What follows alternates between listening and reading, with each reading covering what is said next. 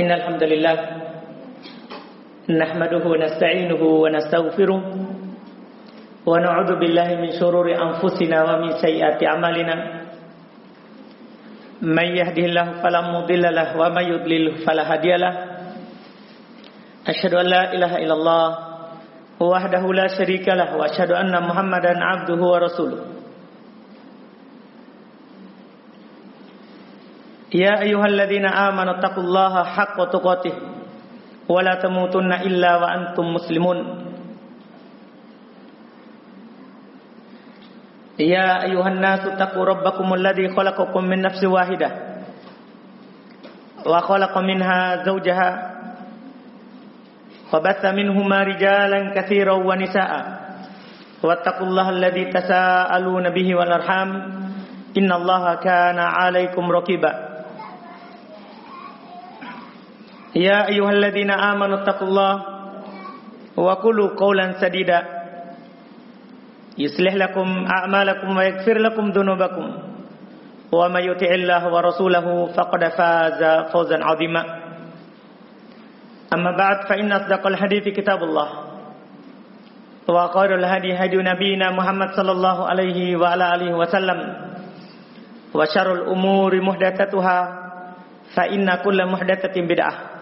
wa kulla bidatin dolalah wa kulla dolalatin finnar. Kaum muslimat al-akhwat wal ummahat yang dimuliakan oleh Allah Subhanahu wa taala alhamdulillah di hari ini Allah Subhanahu wa taala bukakan nikmatnya untuk kita. Allah Subhanahu wa taala limpahkan rahmatnya kepada kita.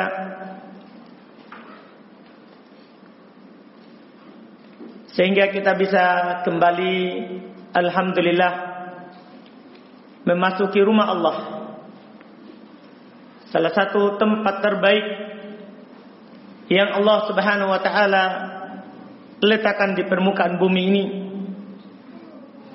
Masjid dari masjid Allah Subhanahu wa taala. Ini adalah satu satu nikmat salah satu nikmat yang Allah Subhanahu wa taala berikan kepada kita di masa ini saat kebanyakan manusia sibuk dengan perdagangan mereka, sibuk dengan dunia mereka sibuk dengan kebutuhan pribadi mereka Allah Subhanahu wa taala memilih kita untuk belajar mendengarkan ayat-ayat Allah Subhanahu wa taala serta hadis Nabi sallallahu alaihi wasallam. Di kesempatan ini alhamdulillah kita berbahagia atas semangatnya kaum muslimat ingin mempelajari agamanya dan dengan inilah kita akan baik. Dengan adanya semangat untuk mengkaji dan mendengarkan dan mengetahui agama Allah. Dengan inilah kita akan menjadi baik sebagai seorang muslim dan muslimah. Dengan inilah kita akan dirahmati oleh Allah Subhanahu wa taala. Sebagaimana yang dikatakan oleh Aisyah radhiyallahu taala anha, bahwa Allah merahmati para perempuan Ansor rasa malunya mereka tidak menghalangi mereka untuk mengetahui perkara agama mereka bahkan ada di antara mereka yang bertanya datang kepada Nabi sallallahu alaihi wasallam mungkin sebagian perempuan malu untuk menanyakannya seperti ada di antara wanita sahabiat datang hanya untuk bertanya kepada Rasulullah SAW bagaimana cara mengetahui suci dari haid. Bahkan di antara mereka seperti Ummu Sulaim, dia pernah datang kepada Nabi Wasallam, ya Rasulullah, Inna Allah la yastahi minal haqqi. Dia bilang wahai Rasulullah, sesungguhnya Allah Subhanahu Wa Taala tidak malu dari yang namanya yang benar, tidak malu untuk menjelaskan yang benar dan menyampaikan yang benar serta menjelaskannya. Dia bertanya, hal alal mar'ati guslun idah salamat. Apakah perempuan itu wajib mandi kalau dia mimpi basah? Nah, ini kan perkara yang malu ditanyakan. sebagai seorang perempuan, tapi dia bertanya, tidak malu dari yang namanya al-haq. Demikian pula ini yang dianjurkan oleh Allah Subhanahu wa taala kepada kita. Kalau kita tidak tahu, tanya kepada yang tahu. Kata Allah Subhanahu wa taala dalam Al-Qur'an, "Was'alu ahla dzikri in kuntum la ta'lamun." Tanya yang tahu kalau kalian tidak tahu. Tanya yang tahu kalau kalian tidak tahu. Alhamdulillah di kesempatan ini kita membuka sesi tanya jawab untuk kaum muslimat akhwat wal ummahat. Ini sudah ada beberapa pertanyaan. Kita mulai dengan pertanyaan pertama. Di sini dikatakan bolehkah wanita sholat tarawih di masjid? Jika boleh lebih utama di rumah atau di masjid eh pertama ini ada dua sisi pertanyaan pertama boleh nggak seorang wanita sholat di masjid ini tentunya tidak diperselisihkan kalau tidak ada fitnah. Tidak terjadi fitnah dia ke masjid. Tidak bertabaruj. Tidak berhias. Tidak memakai parfum. Boleh. Nabi SAW bersabda dalam hadis yang diriwayatkan oleh Imam Al-Bukhari dan Imam Muslim dari sahabat Abdullah ibn Umar radhiyallahu taala anhu, "La tamna'u ima Allahi masajid Allah." Jangan kalian melarang hamba-hamba wanita Allah untuk masuk ke masjid Allah. Jadi kalau dia ingin ke masjid, meminta izin kepada suaminya bagi yang punya suami, kepada bapaknya bagi yang belum menikah, maka tidak boleh dilarang. Hadis ini menunjukkan bolehnya seorang muslimat, seorang muslimah ke masjid. Boleh. Dan itu disepakati, tapi dengan syarat itu tadi tidak bertabaruj karena di dalam syariat kita secara umum wanita muslimah dilarang untuk bertabaruj. Dilarang untuk bertabaruj. Sebagaimana dalam ayat Allah Subhanahu wa taala berfirman, "Wala tabarrajna tabarrujal jahiliyatil ula." Janganlah mereka bertabarruj seperti bertabarutnya jahiliyah masa dulu. Ini syarat pertama, tidak boleh bertabarut, tidak boleh pakai parfum. Ini yang kedua. Karena seorang perempuan kalau ke masjid pakai parfum, sholatnya di masjid percuma. Tidak ada pahalanya. Bahkan tidak akan diterima solatnya sampai dia kembali mandi. Seperti dalam hadis Abu Hurairah radhiyallahu taala anhu. Belum pernah menjumpai seorang wanita keluar ke masjid. Dia bilang, "Aina ibadallah? Mau ke mana wahai hamba Allah?" Dia bilang mau ke masjid, tapi dia dalam keadaan waktu itu dikatakan dia mutatoyibah pakai parfum yang sangat harum. Maka Abu Hurairah menyampaikan bahwa Nabi SAW menjelaskan tidaklah diterima solatnya seorang perempuan yang pakai parfum sampai dia kembali. Sampai dia kembali ke rumahnya dan mandi. Dan mandi. Ini syarat harus diperhatikan. Ini syarat kedua. Syarat ketiga tentunya kata para ulama aman dari fitnah. Dia keluar aman di jalan tidak ada yang mengganggunya. Ya, demikian pula aman di masjid. Demikian pula aman di di dalam masjid. Dengan syarat-syarat ini maka seorang wanita muslimah itu boleh ke masjid dan tidak boleh dilarang kalau dia minta izin.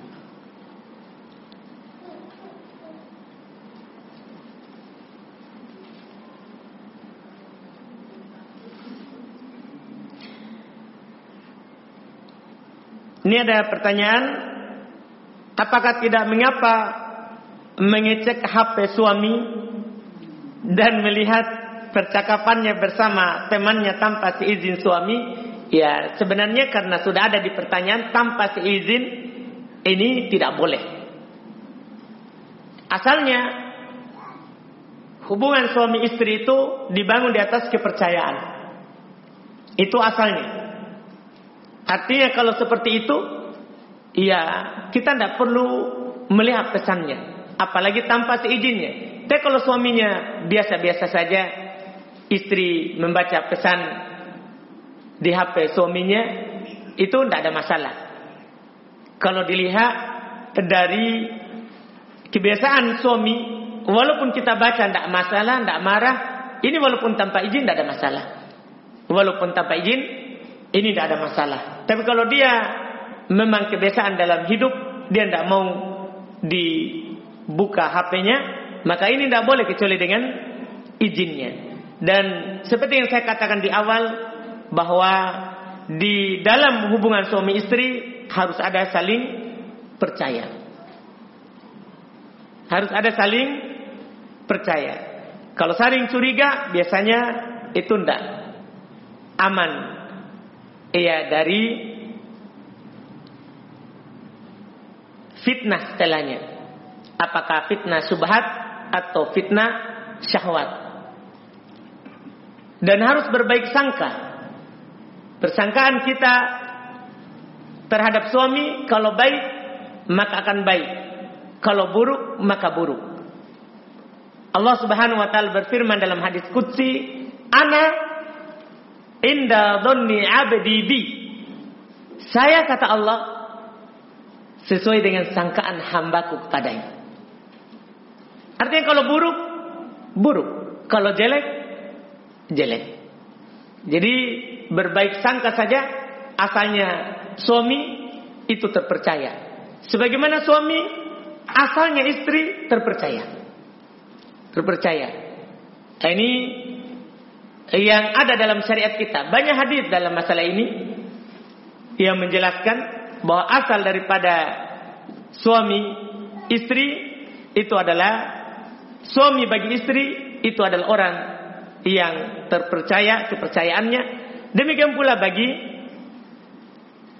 suami terkait dengan istrinya. Makanya dalam syariat kita disebutkan ketika istri melakukan pelanggaran, iya, itu tidak boleh diusir dari rumah, tidak boleh dipukul, tidak boleh. Kecuali kalau dia melakukan fahisha bayinah, kejahatan yang nyata, jelas ada buktinya, misalnya dia selingkuh nyata ada buktinya, itu baru. Itu baru. Kenapa seperti ini? Karena asalnya terpercaya. Iya, asalnya terpercaya. Demikian pula istri terhadap suaminya. Bahkan disebutkan oleh sebagian ulama yang menjelaskan hak suami dan hak istri bahwa termasuk hak suami bahwa istri percayakan semuanya kepada suaminya. Percayakan semuanya kepada suaminya. Ia terkait ia dengan masalah apakah pekerjaannya atau masalah pengaturan rumah tangganya. Ini disebutkan oleh ulama yang menulis hak-hak antara suami dan istri. Sebagaimana juga sebaliknya. Sebagaimana juga sebaliknya seperti itu. Adapun karena di sini tanpa seizinnya, ini saya sudah bilang tadi dilihat daripada kebiasaan suami. Kalau dia marah biasanya untuk dibaca pesannya, eh tidak boleh kecuali dengan izinnya. Kapan dibaca tanpa izin, maka kita berdosa. Yang dibolehkan dalam syariat itu tanpa izin itu mengambil hartanya kalau dia kikir. Misalnya dalam setiap bulan tidak kasih nafkah uang yang cukup boleh nggak suami mengambil, boleh nggak istri mengambil uang tanpa izin suaminya di dompetnya? Boleh. Boleh. Ini sebagaimana kisah para di sahabat Nabi SAW. Di sahabat Nabi SAW. Itu pernah datang salah seorang istri dari sahabat yang dia katakan suaminya kikir tidak memberikan uang yang cukup kepada istrinya, maka dia bertanya kepada Rasulullah, boleh nggak saya ambil? Kata Nabi, boleh kamu ambil dengan yang ma'ruf, sesuai dengan urut. Berapa uang belanja dalam sebulan? Berapa uang belanja dalam sebulan? Jadi kalau seperti ini, boleh. Ini namanya keadaannya. Boleh. Iya boleh. Adapun suami tidak seperti itu, maka tidak boleh bahkan membuka dompetnya mengambil lembar merah atau lembar hijau atau biru. Tidak boleh. Tidak boleh. Iya. Kalau suami memberikan haknya.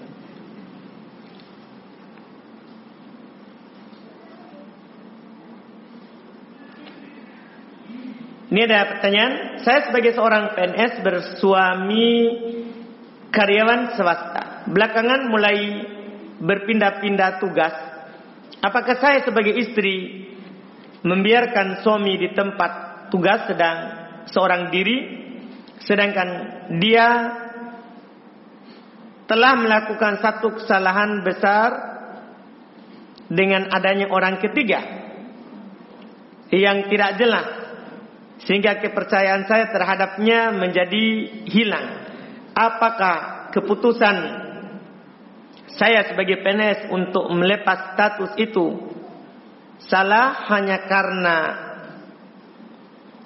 harus mendampingi suami di mana pun berada. Ya pertama, kalau dibilang orang ketiga suaminya selingkuh, ini hal seperti ini dia tidak ikuti. Dalam artian kalau dia selingkuh, dalam syariat dinamakan isyq, cinta terlarang. Iya, cinta terlarang.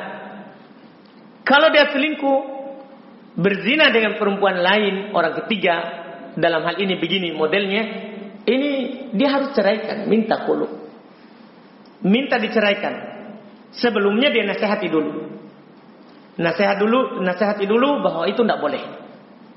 Haram bagi seorang muslim untuk berselingkuh dalam berhubungan. Haram. Bahkan kalau sampai zina, itu dosa besar. Kalau dalam hukum syar'i orang seperti itu dirajam laki-lakinya. Kalau perempuannya belum menikah, dicambuk seratus kali, diasingkan setahun.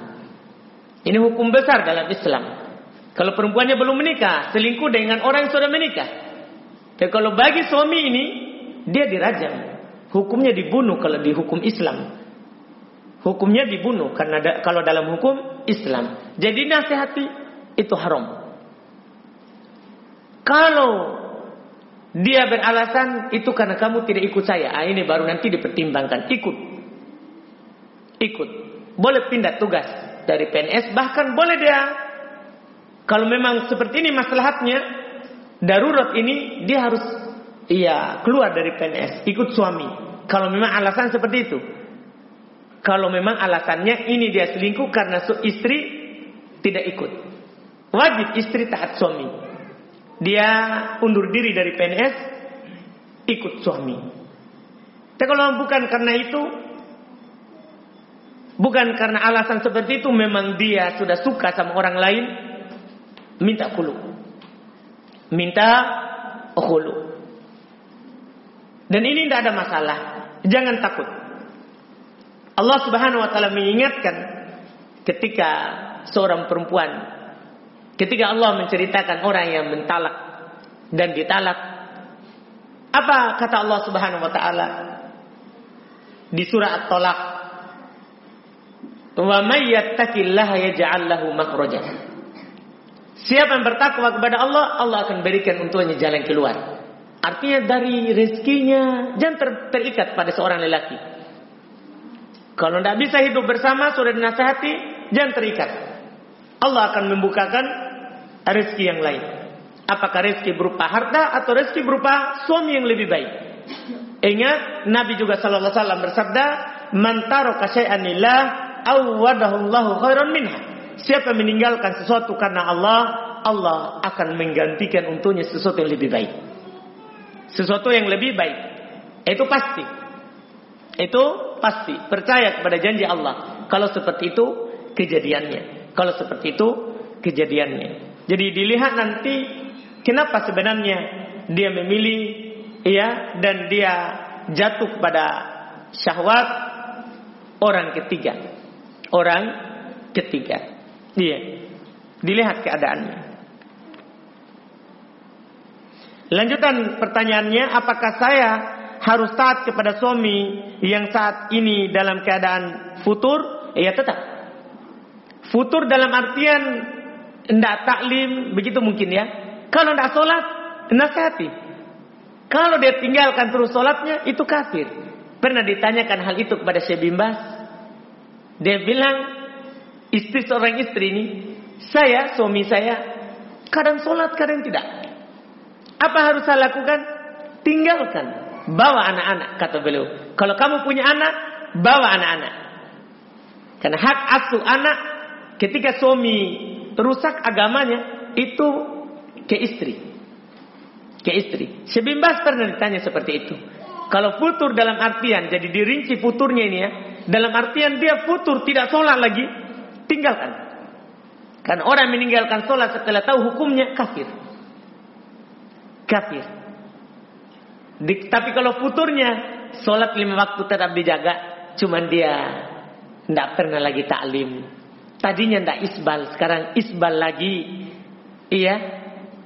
Tadinya tidak isbal, sekarang apa? Isbal lagi. Misalnya seperti itu, tetap sholat.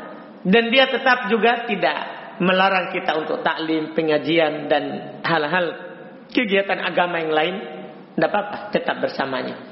Sambil mendoakannya semoga kembali diberikan hidayah oleh Allah Subhanahu wa taala.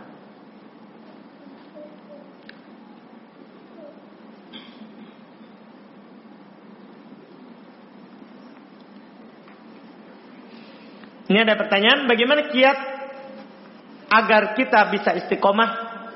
Iya. Eh, pertama, kita namanya awal berhijrah.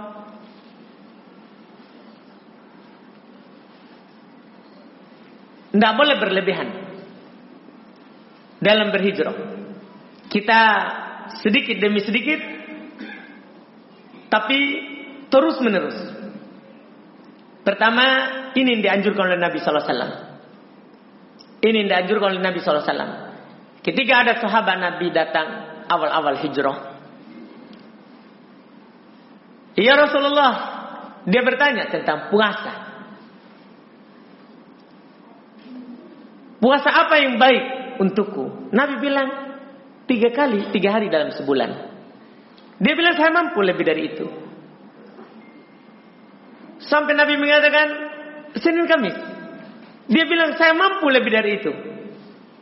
Kalau begitu puasa Daud saja. Ini bertahap. Bertahap. Puasa Daud saja. Sehari puasa, sehari tidak. Dia bilang saya lebih mampu dari itu. Nabi bilang tidak ada lebih baik lagi setelah itu. Artinya dalam berhijrah kita bertahap. Misalnya kita tadinya tidak pakai jilbab, awal hijrah pakai jilbab biasa saja dulu. Bertahap. Setelah itu makin panjang makin panjang, lama-lama bercadar. Seorang setelah seorang atau dalam keluarga itu terbiasa. Terbiasa. Ini yang dilakukan, bertahap. Dalam meninggalkan kebiasaan yang tidak baik menjadi yang lebih baik. Dan ini yang dituntunkan dalam syariat. Para ulama menjelaskan seperti Asyik bin Uthaymin. Lihat pengharuman minum khamar. Pertama, Allah cuma katakan ada manfaat. Tapi mudorotnya lebih besar daripada manfaatnya. Tidak haram. Belum diharamkan. Ini awal kali. Yang kedua, setelah orang wah pikir wah ini bahayanya ada walaupun ada manfaatnya, mulai mereka kurangi. Karena orang Madinah biasa minum khamr. Khamr yang terbuat dari kurma, khamr yang terbuat dari anggur.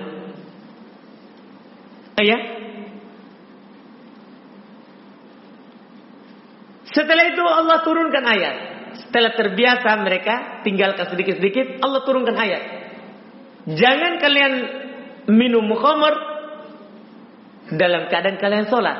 Artinya dalam lima dalam sehari semalam tidak boleh khamr, mabuk kalau lagi saat sholat. Artinya mereka lebih banyak tidak mabuknya daripada apa? Mabuk. Setelah itu mereka terbiasa turun pengharuman khamr secara mutlak. Kasama. Seperti itu. Bertahap. Ingat kata Nabi SAW, Ahabbul amali ilallah adwamu hawa inkol. Amalan yang paling dicintai oleh Allah adalah yang terus menerus dilakukan walaupun sedikit. Walaupun sedikit. Ini kiat supaya kita istiqomah. Jangan terlalu berlebihan. Nabi katakan, Qoribu wasaddidu. Dekati dan berusahalah untuk lurus. Berusahalah untuk mencari yang benar. Jangan lakukan sesuatu yang kita tidak tahu ilmunya. Karena biasanya kalau kita hanya ikut-ikutan saja, lihat orang pakai cadar pakai. Ya, nah, ini bahaya ini.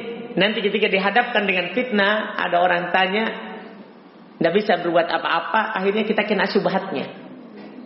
Kena subhatnya. Jadi jangan kita lakukan apa yang kita tidak tahu ilmui dulu baru diamalkan. Ini diperintahkan oleh Allah dalam Al-Quran. Supaya kita istiqomah. Kata Nabi, kata Allah subhanahu wa ta'ala kepada nabinya, Fastakim kama umirta. Istiqomahlah sebagaimana yang kamu diperintahkan. Artinya jangan istiqomah salah-salah. Harus ada dulu perintah yang kita tahu. Ada larangan yang kita tinggalkan yang kita tahu baru kita tinggalkan, kalau larangan, kalau perintah baru kita lakukan. Ini kata Allah. Ini baru kita bisa istiqomah. Jangan ikut-ikutan. Jangan ikut-ikutan. Ini di antara kiat. Kemudian di antara kiatnya dan ini yang paling intinya tentunya seorang lakukan apa yang dia tahu itu ikhlas kepada Allah.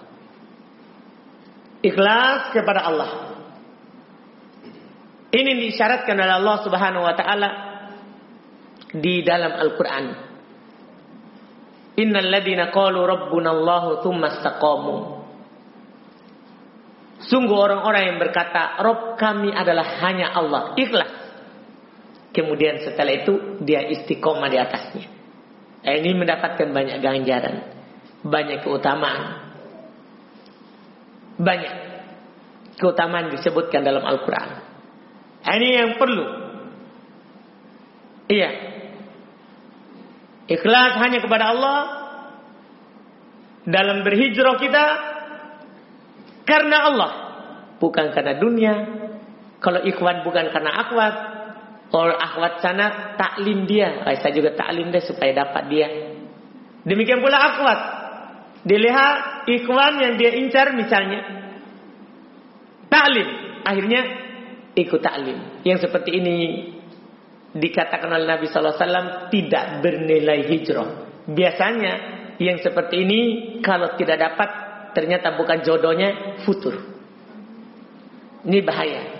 Ini telah diingatkan oleh Nabi Wasallam dalam hadis Umar bin Khattab riwayat Imam Al Bukhari dan Imam Muslim. Kata Nabi, "Man kanat hijratuhu lillahi wa, wa rasulihi, fa hijratuhu ila Allah wa rasulihi." Wa man kanat hijratuhu lidunya yusibuha aw imra'atin yankihuha fa hijratuhu ila ma ilaih. Siapa yang hijrahnya karena Allah dan Rasulnya, maka hijrahnya kepada Allah dan Rasulnya nilai pahala.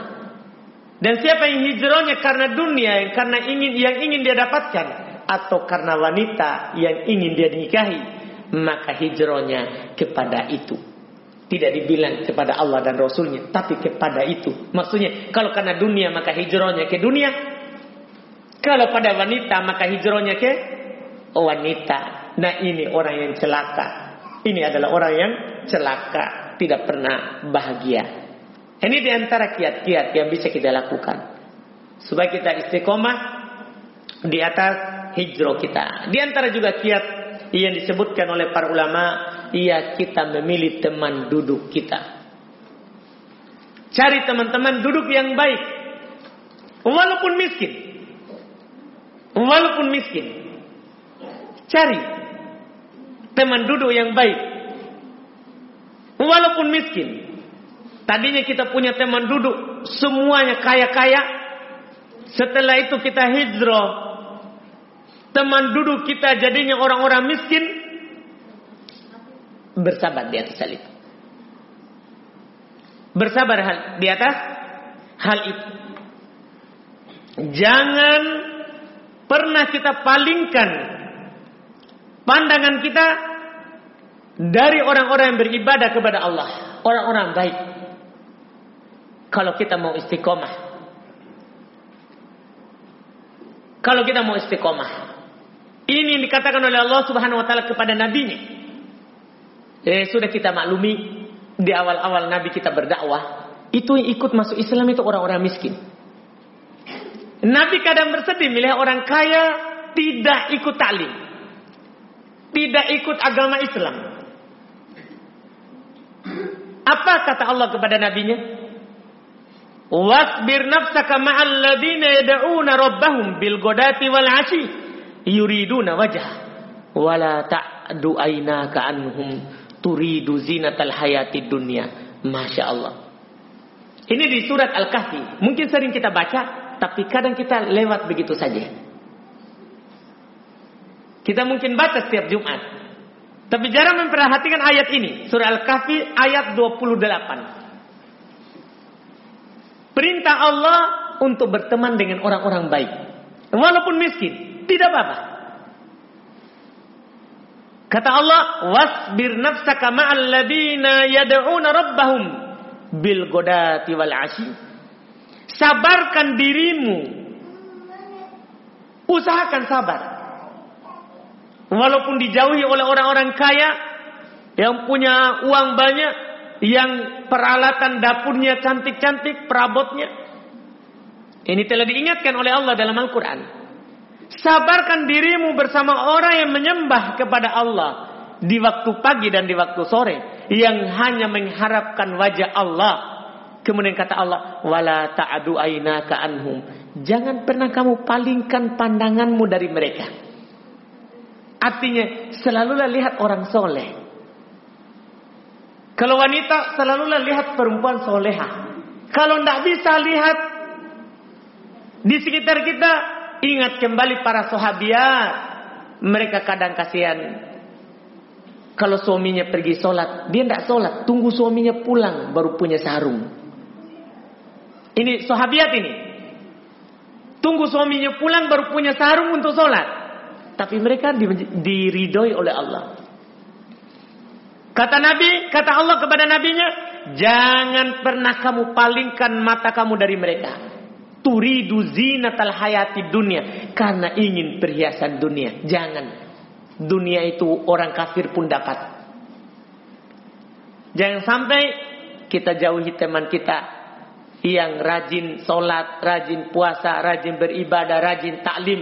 Gara-gara ada teman kita yang punya banyak dunia. Keluar ke mana-mana, makan di sana, makan di sini. Jangan sampai seperti itu. Ini diingatkan oleh Allah Subhanahu wa taala kepada nabinya sekaligus ini peringatan untuk kita. Ini kalau mau istiqomah. Kita berteman dengan orang baik. Kita berteman dengan orang baik. Ini beberapa perkara dan banyak lagi hal-hal yang dijelaskan dalam Al-Quran, dalam hadis Nabi SAW yang bisa membuat kita istiqomah di atas jalan Allah Subhanahu Wa Taala dalam agama yang lurus.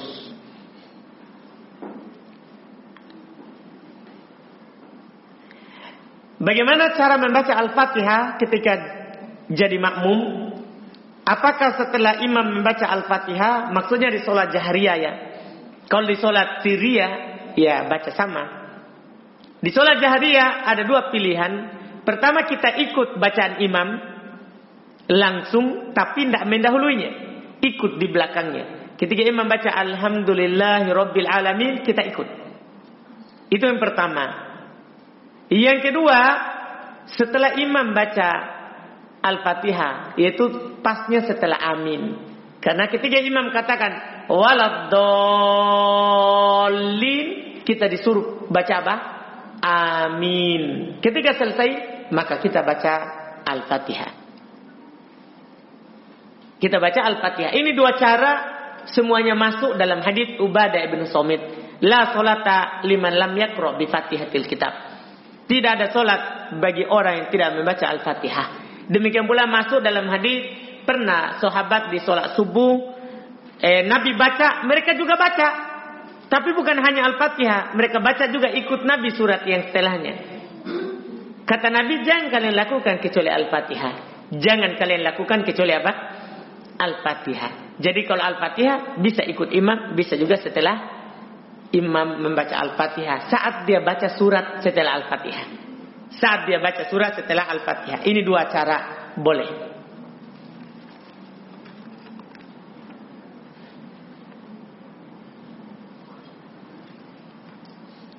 Ustaz, bagaimana hukum wanita yang akan berangkat haji tanpa mahram? Ya berdosa. Hukumnya. Berdosa hukumnya. Sah hajinya. Tapi berdosa. Kenapa bisa berdosa? Karena seorang perempuan yang beriman kepada Allah Subhanahu wa taala itu tidak boleh bersafar tidak halal bersafar kecuali dengan mahramnya. Nabi SAW bersabda dalam hadis yang diriwayatkan oleh Imam At-Tirmidzi rahimahullahu taala, "La yahillu limra'atin tu'minu billahi wal yawmil akhir an tusafir safaran yakunu thalathata ayyamin fasaida illa wa ma'aha abuha au akuha au zaujuha au ibnuha au du." Nabi tidak halal bagi seorang wanita yang beriman kepada Allah dan hari akhirat untuk bersafar safar yang tiga hari perjalanan atau lebih kecuali bersamanya bapaknya atau bersamanya saudaranya atau bersamanya suaminya atau bersamanya anaknya atau mahramnya. Misalnya mahram sesusuan dan semisalnya yang jelas ini dibilang oleh oleh Nabi la yahillu, tidak halal. Berarti apa hukumnya? Haram. Pernah juga di masa Nabi sallallahu alaihi wasallam. Pernah di masa Nabi kita Muhammad sallallahu alaihi wasallam ada seorang sahabat datang kepada Nabi sallallahu alaihi wasallam dia bilang kepada Nabi kita Muhammad sallallahu alaihi wasallam ya Rasulullah inni tutibtu wahai Rasulullah saya diwajibkan untuk berperang. Ini katanya ini. Ya Rasulullah, saya diwajibkan untuk berperang. Ini suaminya bilang. Suaminya bilang, saya diwajibkan untuk berperang. Tapi istri saya mau pergi berhaji. Istri saya mau pergi berhaji. Apa kata Nabi sallallahu alaihi wasallam? Lihat jawaban Nabi. Intolik fahujja ma'amro'atik. Ini hadis. Ini hadis riwayat Imam Muslim. Pergi haji bersama istrimu. Lihat, padahal berperang ini. Laki-laki wajib berperang kalau perang. Laki-laki kalau dipanggil untuk berperang, Wajib apa? Berperang. Tapi dia katakan, ya Rasulullah, istriku mau haji. Sementara saya diwajibkan berperang. Apa yang harus saya lakukan? Apa kata Nabi? Pergi haji bersama istrimu. Ini apa ini? Menunjukkan wajibnya apa? Mahram.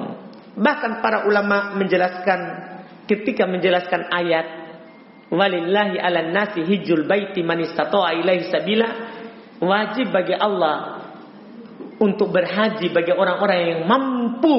Para ulama katakan, kalau laki-laki mampu harta, mampu tenaga. Kalau perempuan tiga, mampu harta, mampu tenaga, punya mahram. Tiga. Itu syaratnya. Itu syaratnya. Perempuan. Tidak halal. Dia pergi. Hanya saja para ulama katakan, semoga hajinya diterima. Dibayar impas dengan dosa yang dia lakukan. Artinya percuma. Dia sudah capek-capek pulang hanya dibayar hajinya itu dengan dosa yang dia lakukan berapa belas hari di haji. Ini masya Allah. Ini dari syariat kita. Dan mahrum maksudnya tadi ya, yang sudah disebutkan dalam hadis Tirmidzi tadi, bapak, saudara, suami, anak, atau yang punya hubungan mahram seperti susuan, bukan mahram yang dibeli. Karena di Indonesia ini ada orang jual mahram. Beli mahram. Bukan mahramnya, tapi dia beli. Bayar 500 ribu. Nah, ada mahram dibeli. Aneh. Iya, tidak didapatkan kecuali di, di negeri kita ini.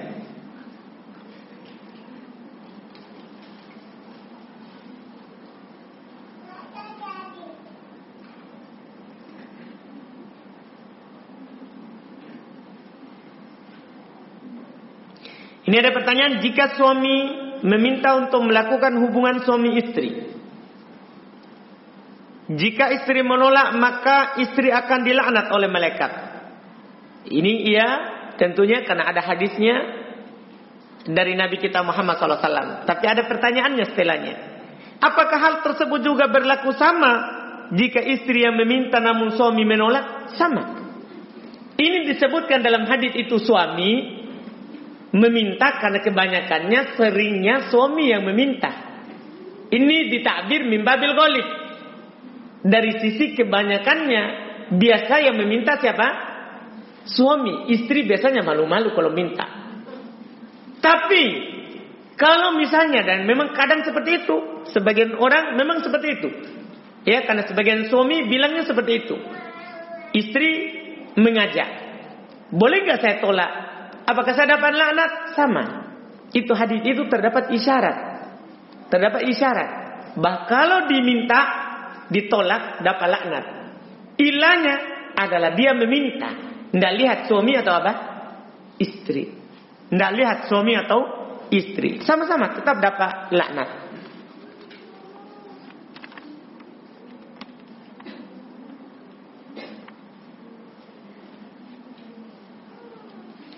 Setelah menikah, manakah lebih baik antara mengontrak rumah sendiri atau tinggal bersama orang tua atau mertua? Eh dilihat dari maslahatnya. Asalnya kalau seorang sudah menikah, ya dia tinggal sendiri. Asalnya. Ini asalnya. Dia tinggal sendiri. Tapi kalau suaminya memandang bahwa atau istrinya juga memandang bahwa eh, seperti itu. Ini maslahat kita tinggal sama orang tua, tidak ada merawat misalnya Ya, orang tua butuh bantuannya di waktu yang dekat. Ya, eh, ini masalah yang dikecualikan nanti. Asalnya ketika menikah seorang mandiri. Seorang bangun keluarganya. Ya. Dari kecil sampai nanti dia menjadi keluarga apa? Besar. Besar. Ini yang dijelaskan dalam syariat kita seperti hadis yang disebut oleh Nabi SAW kullukum ra'in wa kullukum mas'ulun an ra'iyati. Semua kalian adalah pemimpin dan setiap kalian akan dimintai pertanggungjawaban atas kepemimpinannya. Di antara yang disebut oleh Nabi adalah suami adalah pemimpin terhadap keluarganya. Maksudnya istri dan anaknya. Nah, ketika dia tinggal di mertua biasanya yang memimpin adalah orang tuanya. Biasanya memimpin adalah apa?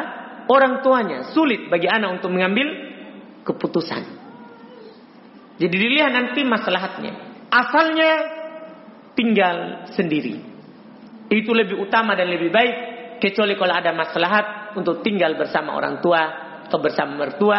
Maka itu boleh ditempuh.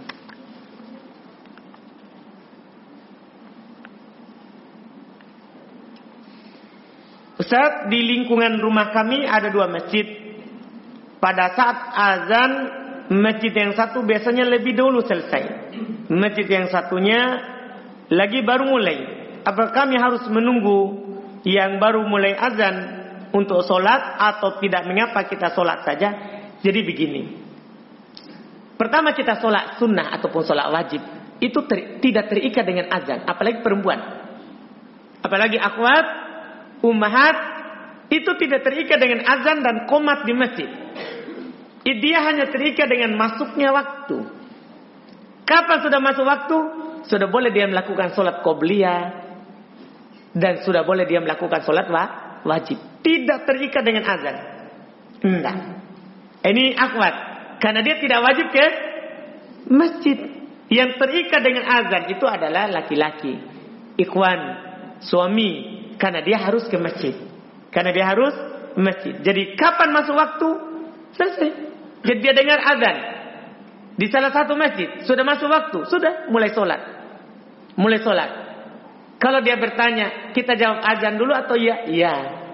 Yang utama ya kita jawab apa? Azan. Kita jawab azan. Jadi tidak perlu menunggu dua-duanya azan.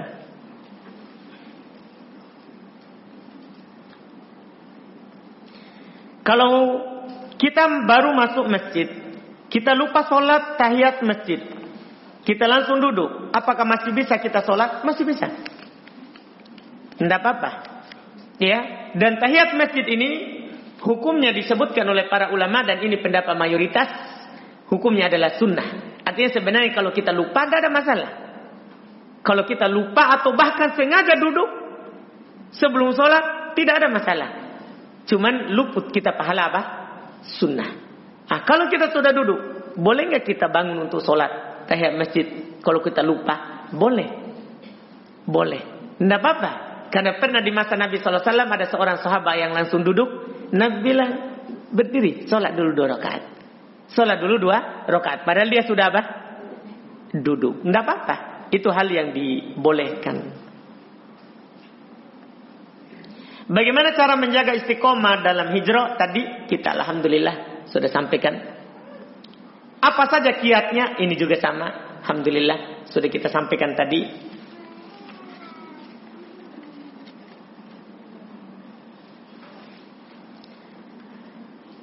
Bismillah Ustaz, benarkah wanita tidak mendapatkan pahala jamaah ketika sholat di masjid?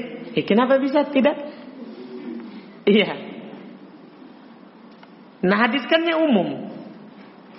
Nabi cuma katakan begini dalam hadis Abu Hurairah. Riwayat Imam Al-Bukhari dan Imam Muslim. Sholatun fi jama'atin afdal min sholatil faddi.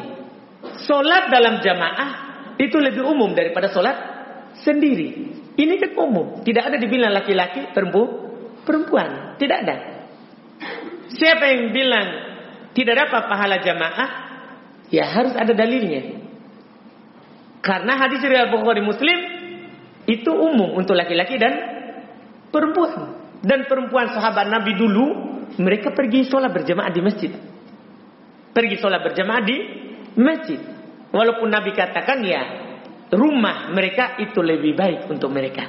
Rumah mereka itu lebih baik untuk mereka. Tapi kalau dia ke masjid, dapat pahala jamaah dalam hadis tadi. Dapat pahala jamaah dalam hadis tadi. Iya. Ini bagi yang mengatakan tidak dapat pahala jamaah harus ada dalilnya. Harus ada dalilnya. Dan tidak ada dalil sepertinya. Kecuali dalil-dalil perempuan yang melanggar ya Misalnya dia pergi berjemaah di masjid dalam keadaan dia pakai parfum. Nah, ini tidak dapat pahala. Tidak dapat pahala.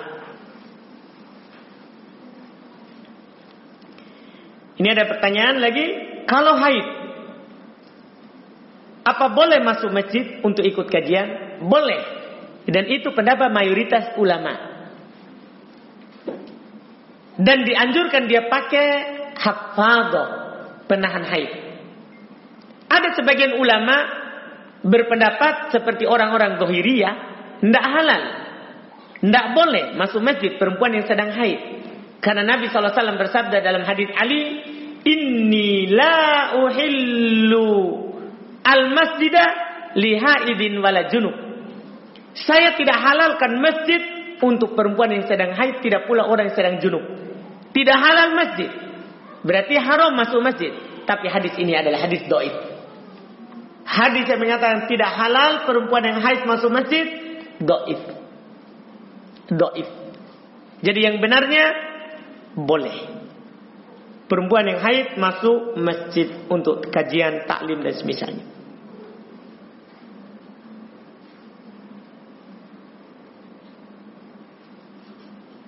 Kalau orang tua meninggal dan minta dikuburkan di mana yang dia mau, apa harus kita laksanakan sesuai dengan pesannya? Dan jika kita anaknya tidak memiliki biaya untuk memakamkannya yang di luar kota, bagaimana? Eh, pertama, yang dia mau di sini maksudnya di mana dulu? Apakah tidak melanggar syariat? Misalnya nanti dia mau kuburkan di rumah, di rumahnya, tidak boleh di halamannya, atau di masjid yang dia bangun, ini tidak boleh. Jadi kalau dia yang dia mau seperti itu tidak boleh ditunaikan, tidak boleh dilakukan. Yang dia mau di sini maksudnya tetap di kuburan kaum muslimin, tapi di daerah tertentu misalnya, seperti dalam pertanyaan ini, di daerah tertentu boleh hal itu. Cuman di sini anaknya tidak punya biaya. Pertama, biayanya dari harta warisannya. Kalau orang tua punya warisan, biayanya dari situ diambil. Kalau tidak punya warisan, maka anaknya. Kalau tidak punya, fattakullaha masata'tum. Bertakwalah kepada Allah sesuai dengan apa? Kemampuan kalian. Kita tidak dibebani melebihi apa yang kita mampu. Kita tidak dibebani dengan apa yang kita tidak mampu lakukan. Wallahu alam.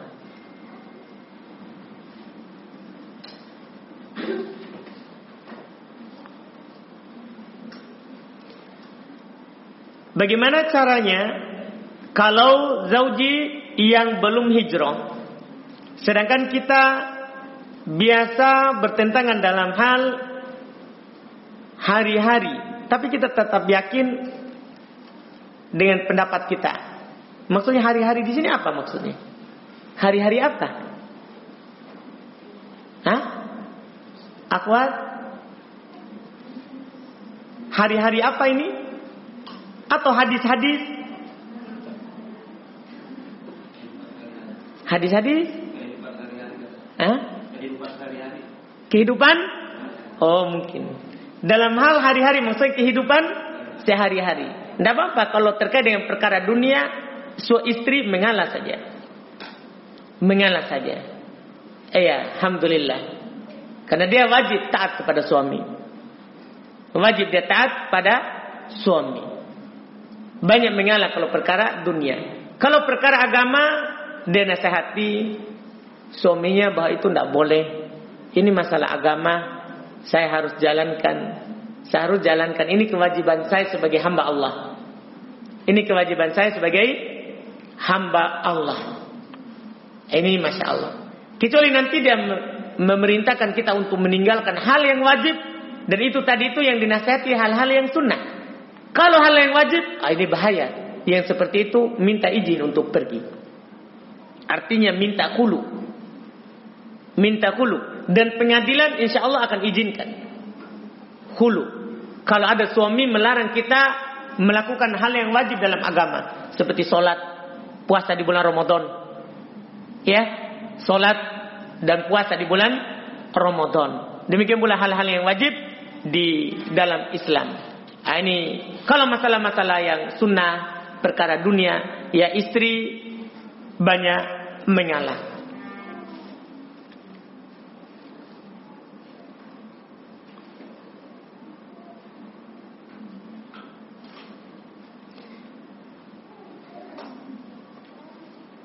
Afan mau bertanya tentang syarat solat istikharah. Apakah ada syarat dan batas waktu menunggu didapatnya jawaban? Karena saya sudah melakukan istikharah tapi tidak merasakan apa-apa. Pilihan mau atau tidak. Apakah saya harus sholat ulang? Iya. Pertama, Salat istikharah itu dalam hadis riwayat Imam Al-Bukhari memang dianjurkan kalau kita dihadapkan dengan dua perkara dan kita ragu mau yang mana. Kapan batasannya menunggu tidak ada. Jadi ketika kita dihadapkan itu lakukan saja apa yang kita condong kepadanya. Kalau memang itu yang diridhoi oleh Allah pasti dimudahkan. Kalau tidak pasti dipersulit.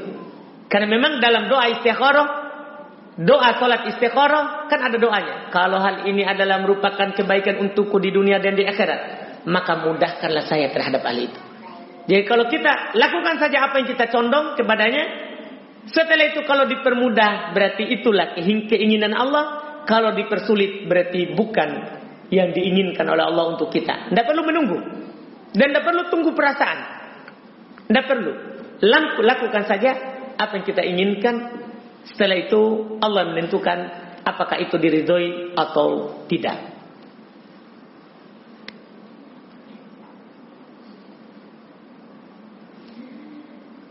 Apa Ustaz, bagaimana tindakan anak apabila keluarga anak ingin melakukan mapaci di malam sebelum pernikahan. Sedangkan anak ingin melaksanakan pernikahan syar'i.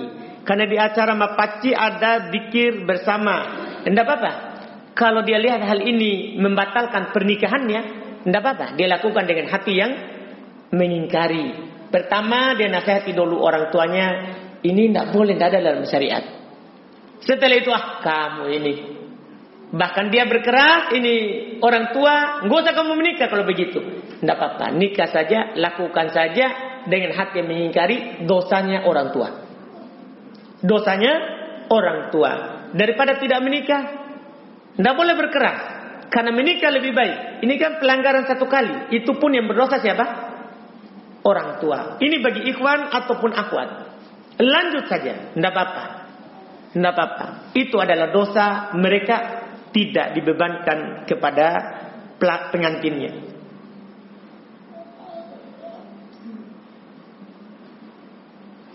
Jika kita diundang makan dengan keluarga tanpa ada pemberitahuan maksud undangan makan apa. Tetapi begitu tiba di tempat, tidak lama kemudian ada bawa masuk kue ulang tahun. Hmm. Dan ternyata hari itu salah satu anggota keluarga ada yang berulang tahun. Sebaiknya ber, sebaiknya bersikap bagaimana? Tetap tinggal tanpa menyantap makanan yang disajikan atau segera izin untuk pulang. Ya, pertama kalau izin untuk pulang membuat nanti persangkaan buruk kepada kita, ini memang orang begini ini. Bersangka buruk orang. Dan bahkan nanti kalau kita ajak taklim dia menolak. Nanti saya kira seperti kamu, maka kita tinggal. Kita tinggal dengan niat silaturahim saja. Yang sudah terlanjur. Tetap tinggal. Niat silaturahim. Apakah makan kuenya? Tidak. Tidak perlu makan kuenya. Iya, tidak perlu. Yang disiapkan untuk itu. Karena para ulama berpendapat bahwa kue dari hasil perayaan yang bid'ah itu haram dimakan. Itu haram dimakan. Jadi tetap kita tinggal dengan hati yang mengingkari dan tidak memakan kuenya.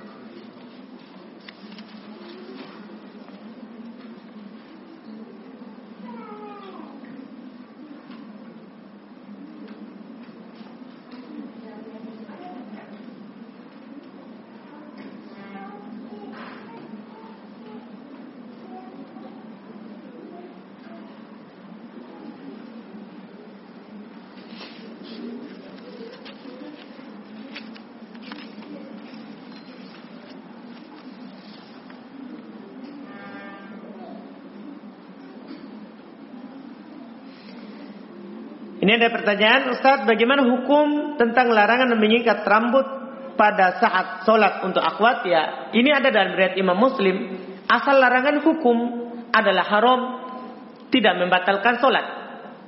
Kalau dia sholat dengan mengikat rambutnya, dia berdosa tapi sah sholatnya. Kecuali dia ikat dengan berbentuk berpunuk, maka batal sholatnya karena berbentuk auratnya. Jadi lihat ya, larangan haram larangan haram. Berdosa kalau dia lakukan. Sah solatnya tapi berdosa. Tapi kalau ketika dia ikat rambutnya berbentuk ke belakang, rambutnya, maka ini kelihatan aurat dalam solat. Kelihatan aurat dalam solat. Batal solatnya kalau seperti itu. Batal solatnya kalau seperti itu. Ini juga ada sama pertanyaannya. Apakah boleh wanita yang sedang haid datang ke masjid mendengarkan kajian? Tadi kita sudah jawab. Alhamdulillah. Be, pertanyaan ketiga masih di lembar yang sama. Bagaimana hukum mengkodok puasa Ramadan untuk ibu hamil? Apakah boleh hanya dengan membayar fidyah saja atau harus diganti dibayar hutang puasanya? Ini ada perselisihan para ulama rahimahumullah taala tentang ini.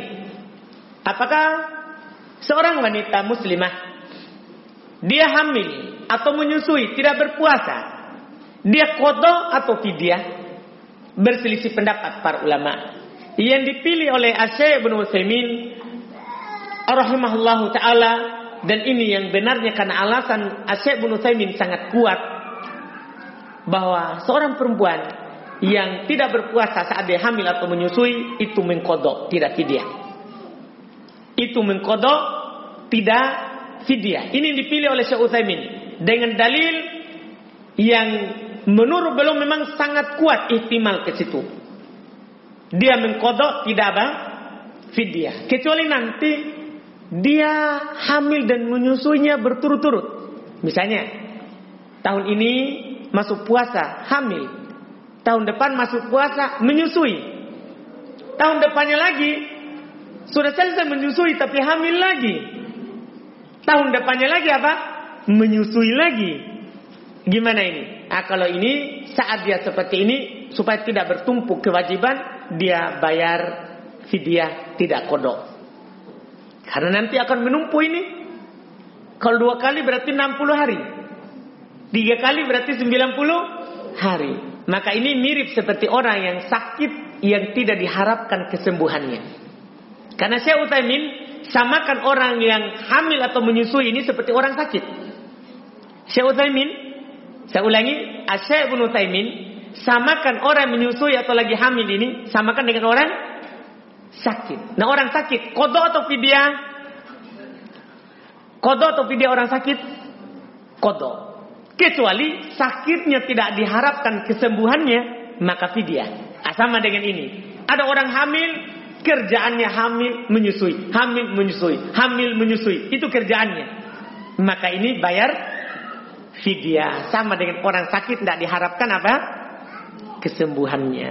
Ini wallahu alam yang kuatnya.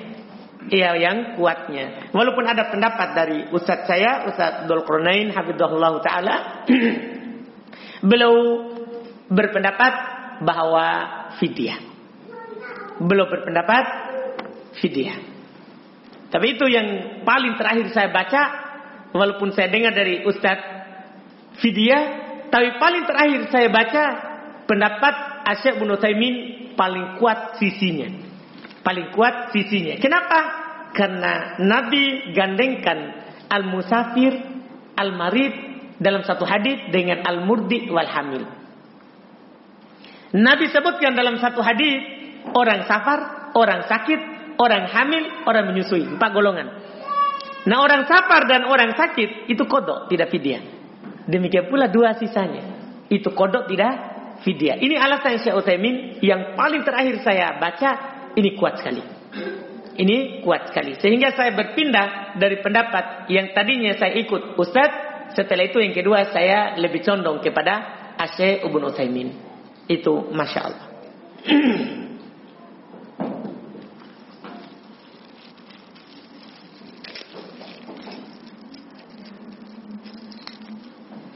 Ini ada pertanyaan. Jika suami saya sudah tidak mampu untuk melakukan hubungan suami istri karena dia sakit. Ini pernyataannya, kemudian ada di bawah pertanyaan. Lalu bagaimana dengan seorang istri jika dia menginginkan untuk berhubungan? Iya. Pertama, di sini kalau seorang istri mendapatkan seperti ini, kalau dia bisa puas tanpa berhubungan badan misalnya akan misalnya afwan eh, kemaluannya kelaminnya tidak bisa lagi berdiri karena sakit kan bisa masih bisa yang lain untuk mendapatkan orgasme dari seorang istri masih bisa dengan yang lain.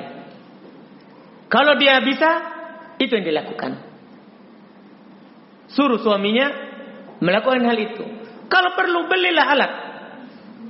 Tapi suaminya yang melakukannya. Tidak apa-apa, kan sekarang ada alat yang dijual. Iya, ini kita berbicara terus terang. Afwan, iya. Ini yang pertama dia lakukan.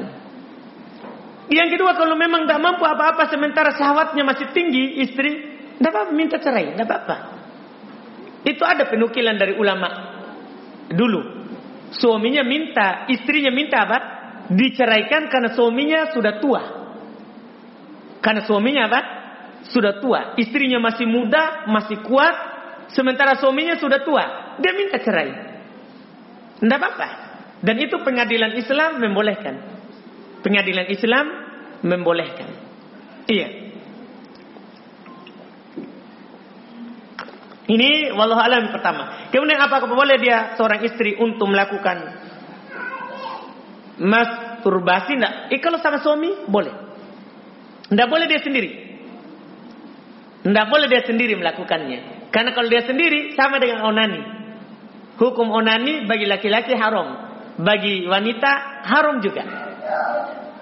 Baik, tapi kalau sama suaminya boleh. Kalau sama suaminya boleh. Apa tidak berdosa? Itu tadi. Berdosa kalau sendiri. Kan itu sama dengan laki-laki onani, perempuan yang seperti ini. Iya, kalau sama suami itu tadi saya bilang. Wallahu a'lam.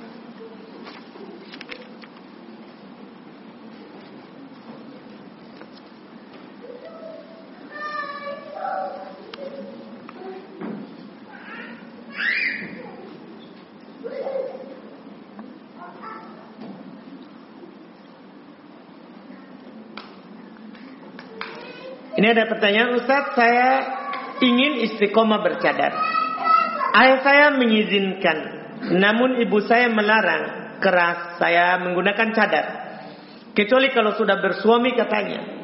Apa pun kondisinya saat ini, saya dilarang bercadar oleh ibu saya. Apa yang harus saya lakukan? Apakah berdosa apabila saya diam-diam bercadar? Karena saya merasa sudah wajib untuk mengenakannya. Tidak berdosa. Pertama, dia taat kepala keluarga. Itu sebenarnya. Tidak berdosa kalau dia melakukannya. Apa yang di, kalau diizinkan oleh ayahnya, itu hal yang baik. Walaupun dalam hal ini, ya dia minta kepada ayahnya baik-baik untuk menasihati ibunya. Untuk menasihati ibunya. Dia pelan-pelan, tidak apa-apa. Dia, dan dia tidak berdosa kalau dia diam-diam pakai. Tidak dikatakan berdosa kalau dia dia diam-diam pakai apa? Cadar, tidak berdosa. Alhamdulillah itulah yang bisa kita lakukan. Kata Allah Subhanahu wa taala, "Fattaqullaha mastata'tum." Lakukan apa yang kalian mampu. Bertakwalah kepada Allah sesuai dengan kemampuan kalian.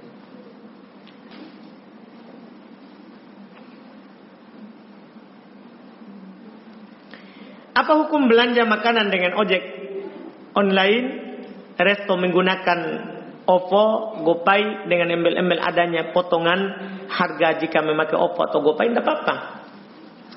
Itu hal yang dibolehkan. Iya, karena dia belanja bukan karena potongan harganya, memang dia belanja karena pakai uang elektronik segitulah nih harganya. Bukan pakai dua harga. Memang sudah ada kejelasan bahwa ada dua bentuk pembayaran di sini. Boleh bayar pakai uang tunai, boleh bayar pakai uang elektronik. Seperti istilah sekarang. Itu tidak ada masalah. Itu tidak ada masalah. Kalau dipotong harganya memang kita akad di atas harga itu. Memang kita akad di atas harga itu. Dan sudah ada jawaban rinci dari Ustadul masalah ini. Siapa yang mau mendengar jawaban rincinya karena Ustadul eh, jawab panjang rinciannya itu boleh didengar ada di YouTube sepertinya jawaban hukum menggunakan OPPO dan semisalnya ini. Iya, alhamdulillah. Hal itu dibolehkan. Tidak ada sisi pelanggarannya, larangannya. Iya, untuk saat ini tidak.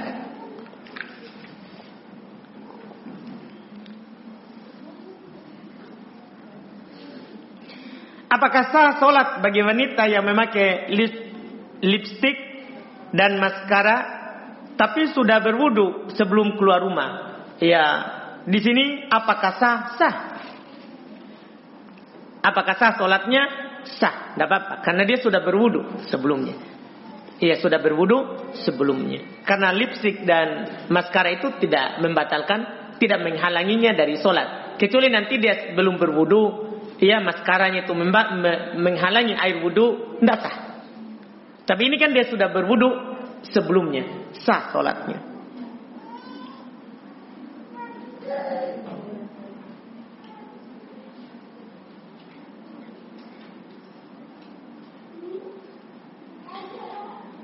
Ini mohon nasihat Ustaz kepada akhwat yang punya teman atau berteman dengan ikhwan dengan alasan teman sekolah dulu dan sekarang sama-sama sudah kenal sunnah. Ini bahaya. Ini bahaya. Setan itu lebih suka merayu orang yang sudah kenal sunnah daripada orang awam. Orang awam dulu lihat betis, lihat leher temannya itu hal biasa. Tapi setelah orang kena ngaji, lihat muka saja, matanya saja ini teman yang sudah pakai cadar, itu terfitnah bukan main. Ini bahaya ini seperti ini. Jangan. Jangan dibuka pintu ini. Bahaya. Kalau sudah menikah, hati-hati. Ini membuka banyak orang bilang sama saya, ya lama-lama akhwatnya minta, ndak apa-apa, ndak adil. Yang penting saya dihalalkan saja. Banyak kasus ya seperti itu. Saya dapatkan ada ikhwan seperti itu. Siapa itu? Saya pernah tanya. Teman duduk sama saya malam-malam di warkop dia curhat dia memang mau bertanya. Siapa itu perempuan? Kenapa antum sampai seperti itu? Itu teman sekolah saya dulu Ustaz. Jadi bahaya, bahaya, bayangkan sudah sama akhwatnya sudah pakai jilbab besar, bahkan sudah pakai cadar, ikhwan sudah berjenggot panjang, tapi karena teman lama berteman asalnya eh, ada penyajian di sini, tapi lama-lama ternyata minta dinikahi. Tidak apa-apa nikah rahasia-rahasia. Wih, gimana ini? Orang kenal dakwah. Ini menunjukkan semangatnya seton itu lebih kepada orang yang kenal sunnah daripada orang yang tidak kenal sunnah. Jangan dibuka pintu ini kalau mau bahagia. Jangan dibuka.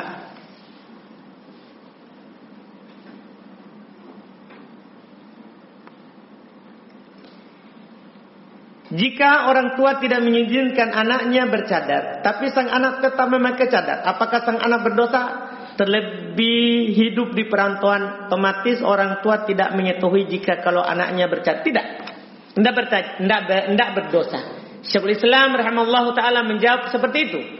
Kalau bahkan orang tua melarang keras dalam hal ini dan dia tidak taati, itu tidak berdosa itu tidak berdosa. Kan itu membahayakan agamanya.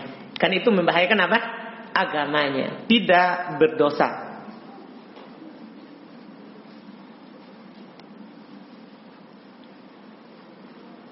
Sampai jam berapa Pak Sur? 11? Baik.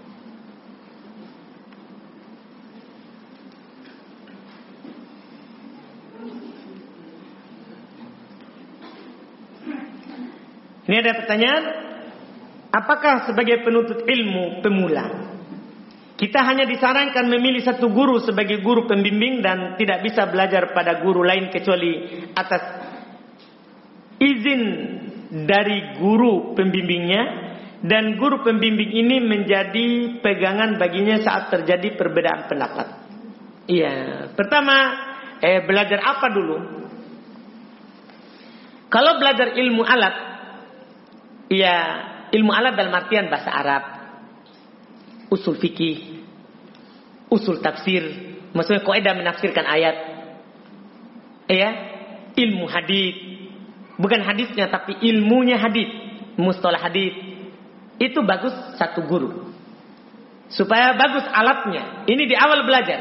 Setelah itu nanti dia bisa berenang di berbagai macam buku ulama. Ini pertama kalau ilmu alat. Adapun kalau ilmu syariat seperti ilmu fikih, pembahasan fikih, iya. Untuk tahap awal dia belajar sama satu guru itu baik. Tapi tidak boleh taksub. Dalam artian apa yang dibilang oleh guru ke ini, ini yang benar. Yang lain salah. Tidak boleh. Ini hanya tahap awal belajar. Seperti para ulama mengarang buku satu pendapat saja.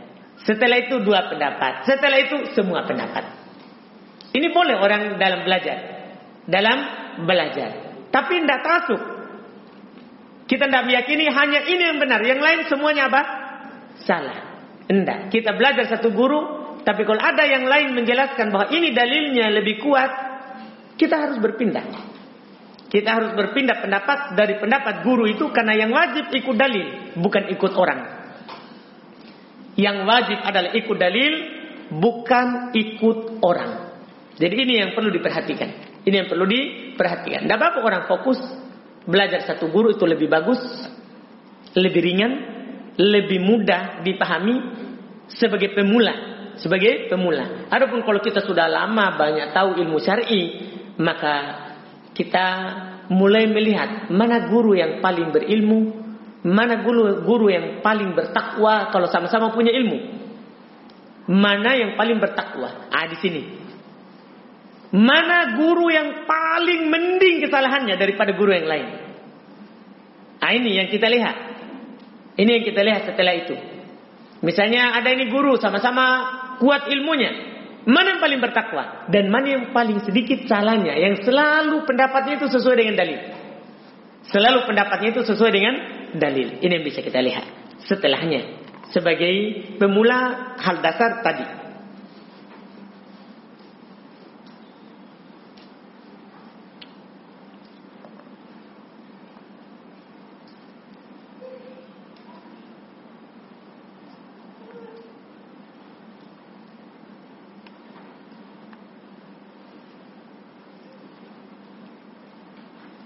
Ini ada pertanyaan. Sebelumnya saya sudah menikah tetapi sudah cerai. Mantan suami saya adalah sepupu saya sendiri dijodohkan. Dahulu saya banyak berdosa padanya dan tidak taat kepadanya. Apakah saya harus meminta maaf kepadanya untuk menyambung silaturahim dengannya Ustaz? Sedangkan saat ini saya sudah punya suami. Kalau suaminya izinkan, dia ceritakan kepada suaminya dulu saya banyak sekali salah di sana sebelum saya kenal ngaji.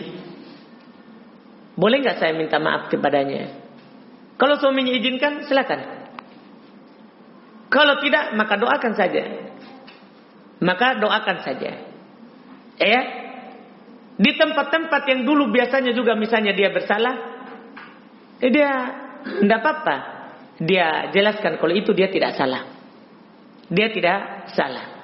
Misalnya, dulu dia jelekkan suaminya itu di orang tuanya misalnya. Dia mohon maaf kepada orang tuanya, itu enggak, enggak begitu.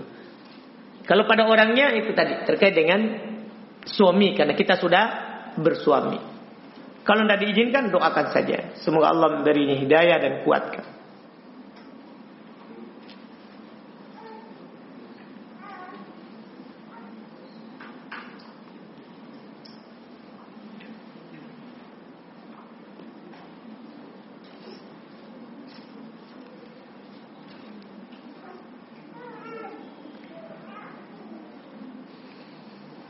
Bagaimana tata cara yang benar mandi setelah haid bagi perempuan? Apakah ada doa tertentu? Pertama doanya tidak ada. Tidak ada doa tertentu setelah mandi suci dari haid. Tidak ada. Iya. Kemudian tata caranya ada tiga cara. Dua cara sempurna, satu cara cukup. Dua cara sempurna maksudnya diterangkan dalam hadis Bukhari Muslim. Dua-duanya satu dari Aisyah, satu dari Maimunah. Yaitu di dalam hadis Aisyah wudu dulu dengan sempurna. Wudu dengan sempurna. Setelah itu menyelai-nyelai kepala dengan air. Setelah itu menyiram kepala, menyiram badan. Selesai. Sampo sabun itu tambahan. Yang kedua mandi suci sempurna juga dari hadis Maimunah sama dengan hadis Aisyah tadi bedanya Ketika dia berwudu, dia tidak cuci kakinya. Setelah misalnya tangan kumur-kumur, cuci muka, tangan sampai ke siku, usap kepala, setelah itu siram. Kepala, siram badan, sampo, sabun, semuanya selesai. Selesai mandi, cuci kaki. Ini bedanya. Jadi kaki diakhirkan. Boleh. Ini cara kedua. Cara ketiga, cara cukup. Ini ada dalam hadis Ummu Salamah. Yaitu tanpa wudhu. Langsung siram kepala. Tanpa wudhu. Maka itu telah suci juga.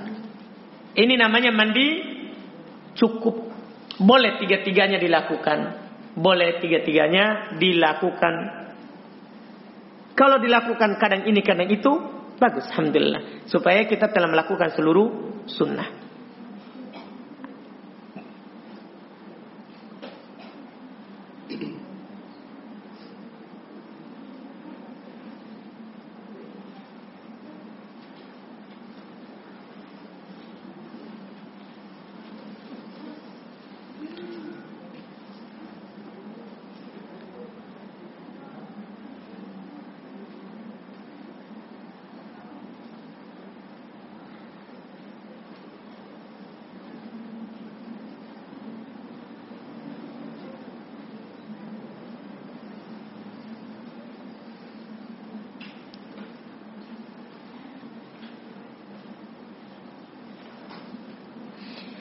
Saya ada saya ada kegiatan war apa ini workshop. Hmm. Apa ini? Gerakan ayo belajar matematika tapi di dalamnya ada ikhtilat. Campur baur. Apabila apa boleh seorang wanita mengikutinya? Tidak boleh. Kapan sudah dibilang ikhtilat itu diharumkan dalam syariat. Ikhtilat, campur baur diharamkan dalam syariat. Apalagi wanita ya. Kalau suami itu masih mending sedikit karena memang kewajibannya cari nafkah. Walaupun kalau dia cari jalan lain itu lebih baik. Suami. Kalau akhwat tidak dibolehkan karena bukan kewajibannya cari nafkah. Bukan kewajibannya cari nafkah. Jadi seperti ini, kapan ada kata ikhtilat diharamkan. Ini namanya tidak aman dari fitnah tidak aman dari fitnah.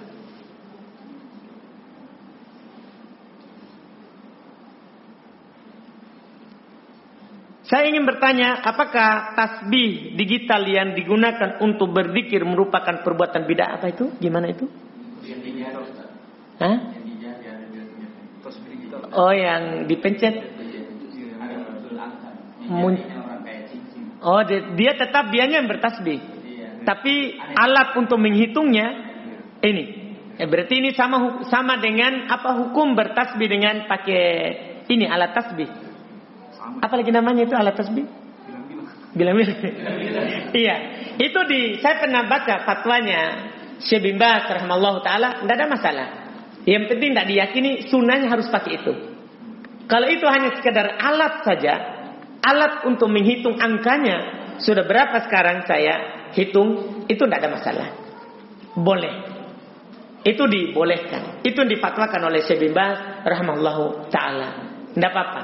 Tapi kalau meyakini sunnahnya harus pakai ini. Sunnahnya harus pakai ini alat. Maka itu bid'ah.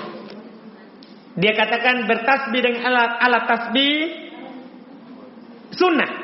Maka ini adalah bid'ah. Tapi kalau hanya hanya dijadikan sebagai alat saja, tidak ada masalah. Tidak ada masalah.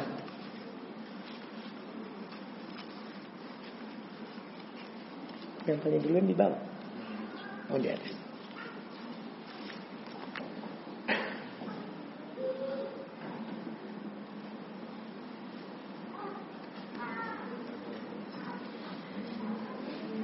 Saat saya seorang mahasiswi, terkadang dosen menyampaikan kuliah dan saat itu terdengar azan. Apakah saya lebih baik meninggalkan dosen dan sholat berjamaah atau menunggu selesai kuliah berlangsung sebab biasanya dosen menyelesaikan 40 atau 30 menit kurang lebih setelah adzan. Namun kita terluput sholat berjamaah. Ini kan mahasiswi. Tidak ada masalah. Tidak ada kewajiban untuk melakukan sholat berjamaah. Kecuali ini yang bertanya ikhwan. Kalau ikhwan dia minta izin kepada dosennya. Wajib dia ikut jamaah. Kalau akhwat kan tidak wajib ikut berjamaah. Ya, apalagi kalau dia minta izin akan menyebabkan nanti nilainya kurang, akhirnya tadinya harus tamat 4 tahun jadi 8 tahun karena bermusuhan dengan dosennya. Ah ini bahaya. Karena dosen ini balas dendam, hati-hati. Iya. Jangan bermasalah dengan dosen. Iya. Karena dosen ini Masya Allah. Semoga Allah memberikan hidayah pada mereka. Iya.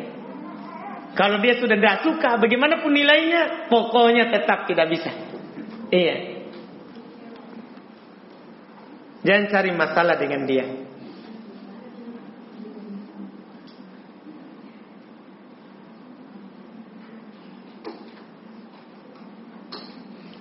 Apa hukumnya menyukai bunga dan meminta suami memberikan bunga Apakah termasuk tasabbu atau tidak? Ya, menyukai bunga tidak ada masalah.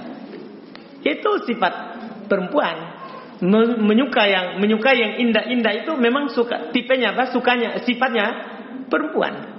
Dia suka bunga, dia suka pakaian yang cantik. Itu memang sifatnya perempuan. Tidak dikatakan tasabbu. Tidak dikatakan tasabbu. Dan kalau suami suka eh, suami tahu istri suka bunga dia kasih bunga, tidak ada masalah. Tidak ada masalah.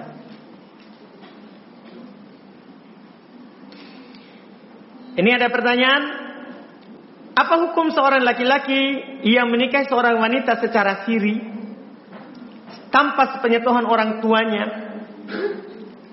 dengan tujuan menghindari fitnah? Laki-laki ini bujang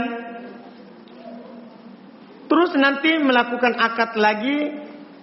Dia melakukan nikah siri dulu karena menunggu sesuatu hal dari orang tuanya untuk menikah resmi. Iya.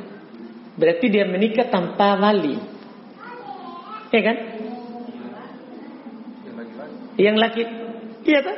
Yang laki tidak ditahu sama orang tuanya. Oh, laki-laki yang tidak tidak ditahu sama orang tuanya. Si perempuannya Perempuannya dia tahu. Kalau dari situ ya.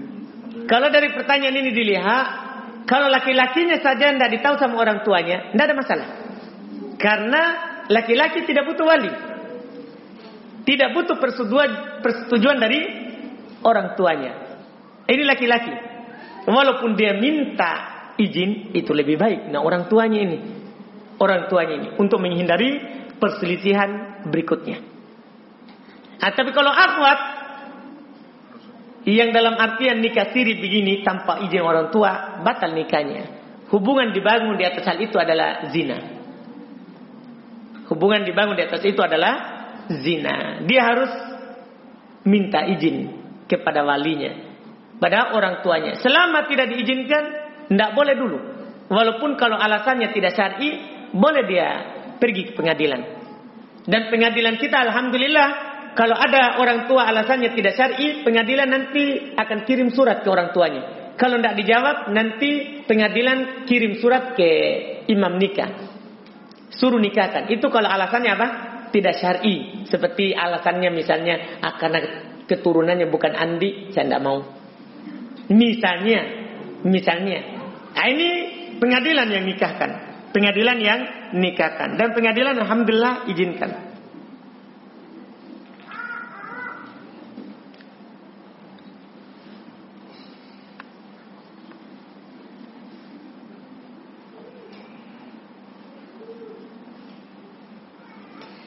Ustaz, apakah tetap tidak bisa memakai wewangian parfum hanya untuk menjaga aroma badan?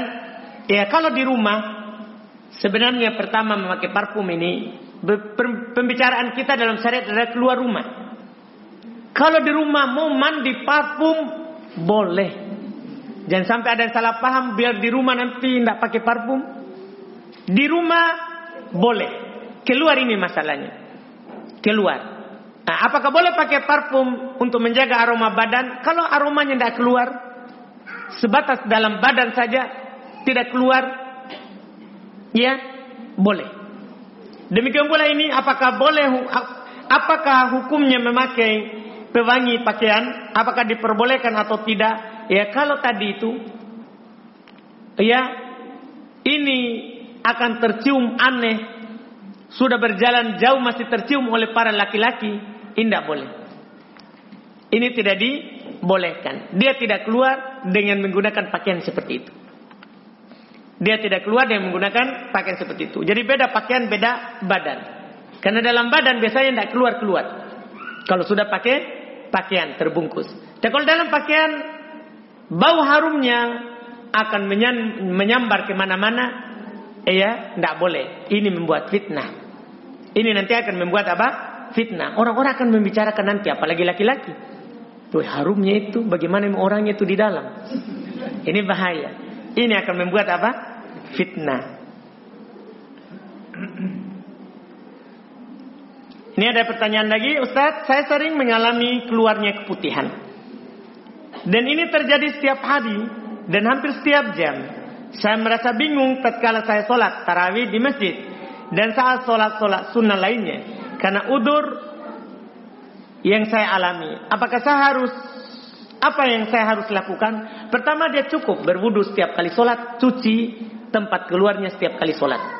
Itu saja kewajibannya. Kalau keluar saat sholat, itu tidak ada masalah. Misalnya dia mau sholat terawih, dia cuci saja di awal sholat terawih. Tidak perlu dia wudhu setiap rakaat terawih, tidak perlu. Di awal saja cuci bersih, setelah itu wudhu keluar saat nanti tidak ada masalah.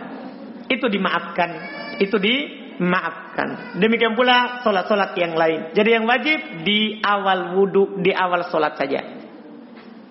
Setelahnya dimaafkan. Karena di sini masyakoh berat baginya. Dan kaidah dalam syariat al tu tajlibut taisir. Hal-hal yang memberatkan itu harus dipermudah. Harus dipermudah.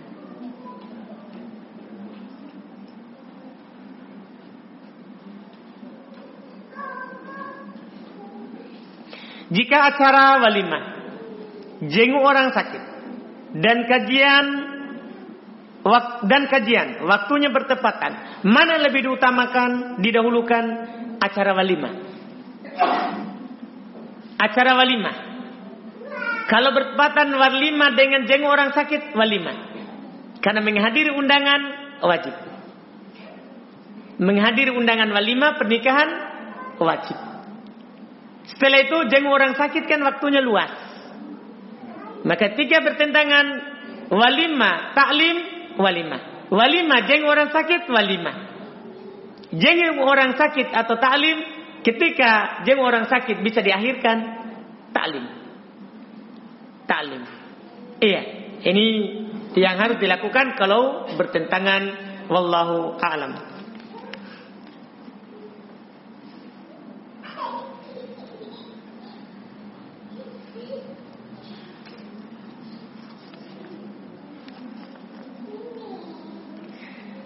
Ustaz, saat ini saya masih mahasiswi. Sekaligus saya jalankan bisnis untuk memenuhi atau membiayai kuliah saya. Dan untuk mewujudkan impian kedua orang tua saya. Profesi saya saat ini mengharuskan saya keluar rumah dan keluar kota. Yang saya mau tanyakan Ustaz, ada ada ikhwah menyarankan saya menikah untuk menjaga saya dari fitnah. Di sisi lain, saya bimbang ketika saya menikah, yang saya takutkan bisnis saya tidak jalan. Iya. Jadi antara bisnis dan menikah. Iya. Memang syarat ini yang wajib maksudnya punya sisi kekuatan. Karena tadi saya sudah sampaikan hadis tidak halal bagi seorang perempuan untuk keluar kota tanpa mahram. Tidak halal bagi seorang perempuan akwat untuk keluar kota tanpa mahram. Ketika ada saran untuk menikah, boleh. Dan bisa di ini nih, gimana bisnis supaya tetap jalan? Kan dikhawatirkan bisnis tidak jalan. Yang datang melamar persyaratkan. Karena boleh seorang akwat bersyarat. Boleh itu akhwat bersyarat. Saya mau terima kamu dengan syarat tidak boleh tadut. Boleh.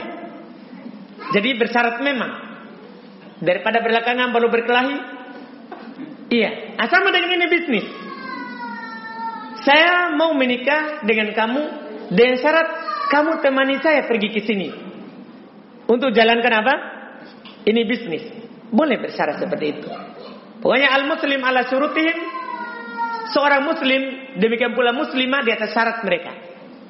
Kalau nanti suaminya tidak mau, setelah menikah misalnya ada juga ikhwan, ah, saya nikahi saja dulu kalau nanti bisa di itu. Kalau nanti suaminya ini tidak penuhi syaratnya, boleh dia minta cerai. Dan boleh dia langsung pergi saja. Karena suami tidak melakukan apa? Amanah. Syarat.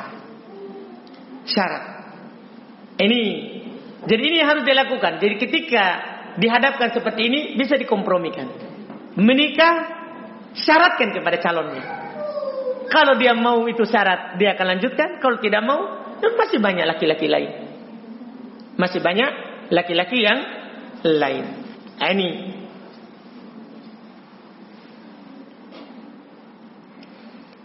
Bagaimana hukum memotong rambut bagi wanita di mana akhwat disuruh oleh orang tua? Hukum memotong rambut bagi akhwat boleh, yang penting jangan menyerupai ikhwan.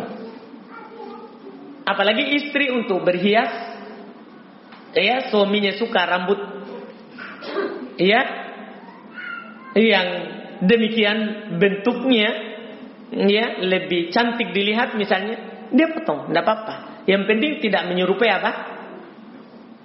Laki-laki demikian pula dia boleh potong rambutnya kalau ada maslahatnya maksudnya ada mudarat misalnya walaupun tadi tidak boleh menyerupai laki-laki ya tapi sekarang tiba-tiba dia punya banyak kutu iya Punya banyak kutu yang mengharuskan dia disuruh potong rambutnya. Tidak apa-apa. Itu namanya darurat. Itu maslahat. Itu maslahat. Walaupun hukum asalnya kalau tidak ada apa-apa, maka dia tidak potong rambutnya. Dia tidak potong rambutnya.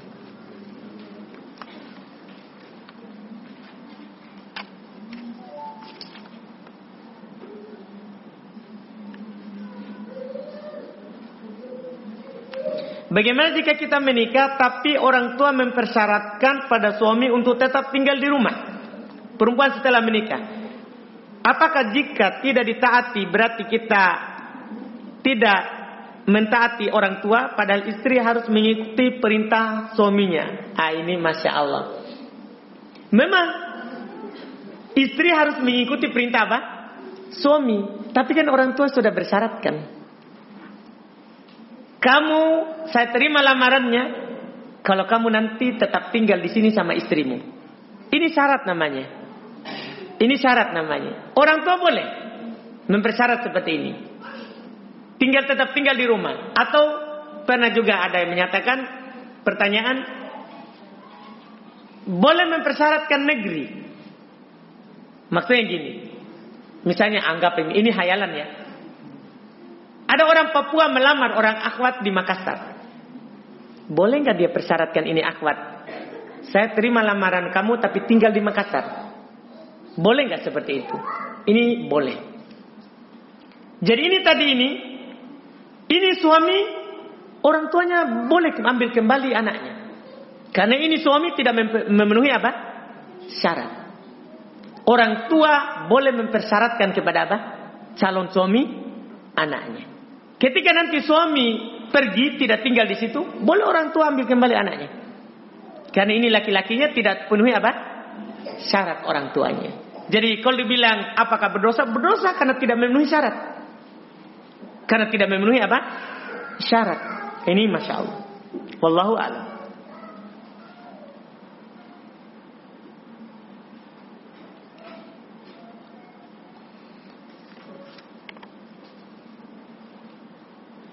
Ini ada pertanyaan, sudah 12 tahun menikah. Suami tidak mau memperbaiki ibadah dan sudah beberapa tahun tidak menafkahi dengan baik dan sering berkata kasar. Ada anak-anak, ada anak dua orang. Oh, ada anak dua orang. Apa yang sebaiknya dilakukan Ustaz? Boleh kami ngurus cerai atau harus bertahan demi anak-anak atau bersabar tapi mulai lelah? Minta cerai minta cerai. Kalau bapak jelek ibadahnya, bawa anak-anak bersama. Itu tadi. Yang kita katakan tadi fatwanya Syekh Ibnu Bas. Ketika suami lalai tidak baik dalam beribadah kepada Allah. Ya, bahkan kalau sampai meninggalkan sholat, boleh minta cerai. Walaupun setelah itu dia tempuh dulu jalan nasihat. Tempuh dulu jalan apa? Nasihat. Bahkan Syekh bin Baz mengatakan, ya suruh kalau dia tidak terima kita nasihati sebagai istri, suruh nasihati bapaknya, keluarga, tetangga, atau siapa saja yang bisa membuat dia dengar. Yang bisa membuat dia apa? Yang dia dengar. Ini kita tempuh dulu awal. Setelah itu boleh nanti minta cerai. Boleh minta cerai. Kalau sudah tidak mampu bertahan dengannya.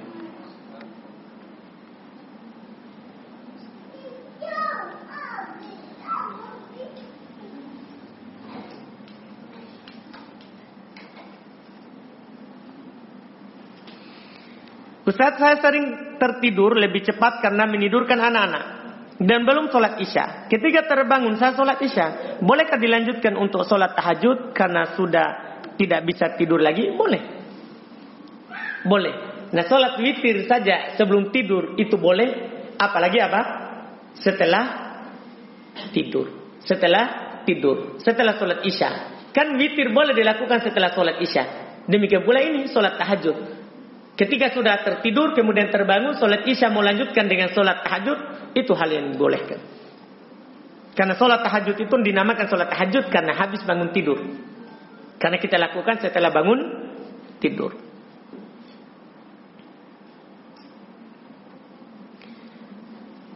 Bismillah perilaku atau akhlak yang bagaimanakah yang disukai dan dibenci seorang suami Eh saya tidak tahu. Kita yang tahu suami tak. kan masing-masing suami punya kesukaan yang berbeda. Jadi kalau ditanya apakah yang disukai oleh suami, ya saya tidak tahu suami kita. Yang tahu itu adalah kita sendiri. Karena kita yang hidup bersamanya. Jadi kita yang lihat dia suka yang bagaimana. Dia suka yang bagaimana. Ini yang kita lihat di dalam kehidupan sehari-hari. Dalam kehidupan sehari-hari. Anggaplah dalam masalah kecil, ketika dia berhubungan, sukanya jam berapa? Ya itu kita ikuti. Iya, ikut itu yang kita ikuti. Sampai hal yang seperti itu. Sampai hal yang seperti itu. Jadi intinya kita sendiri yang tahu suami. Kalau saya ditanya ya saya harus ditemukan dulu sama suaminya. Ya, saya harus tanya apa yang kita sukai nanti saya kasih tahu istri tak. Iya, ini agak sulit. Pakai jembatan panjang. Langsung saja diamati.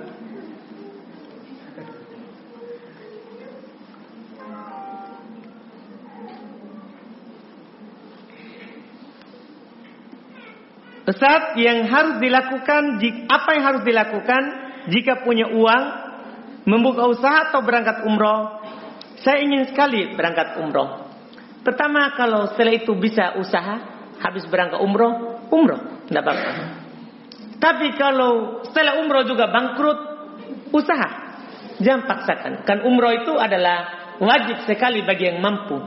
Mampu dalam sini adalah ada yang bisa ditinggalkan. Ada kehidupan untuk ada yang bisa dijalankan setelah pulang umroh. Tidak boleh kalau habis umroh kita jadi peminta-minta. Tidak boleh. Karena itu tidak mampu namanya.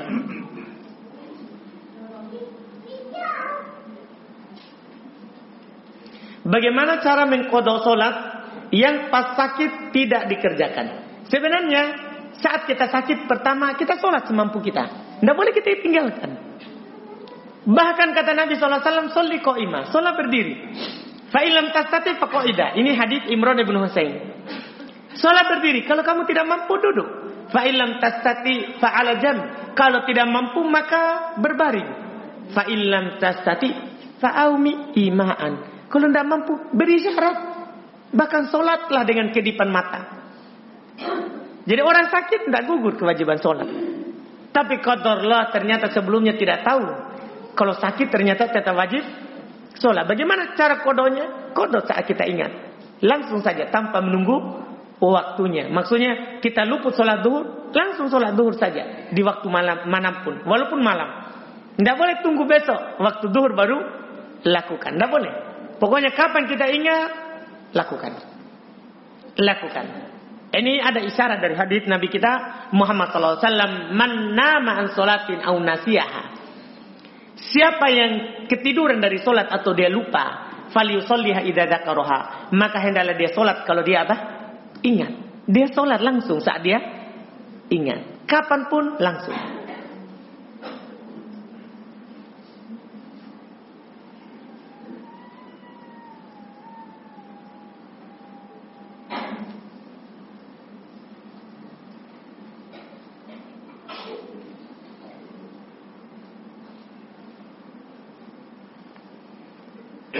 Saya masih sering memakai body mist. Apa itu? Apa itu? Saya tidak mengerti ini. Hah? Pengharum badan. Oh, tidak, tidak ada masalah. Tidak ada masalah. Ini katanya takut mengganggu kenyamanan orang terdekat. Bahkan siapa yang punya bau badan harus pakai. Karena malaikat itu terganggu dengan manusia yang terganggu dengannya. Dia pakai, tidak apa-apa. Itu kan tidak keluar baunya keluar.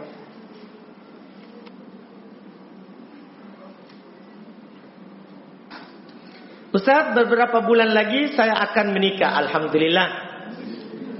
Namun, makin ke sini makin banyak cobaan yang datang. Bagaimana saya mengatasi masalah tersebut? Bersabar saja. Karena menikah itu adalah ibadah, pasti banyak cobaannya. Menikah itu adalah apa? Ibadah, pasti banyak cobaannya. Kalau banyak cobaan, ya sabar.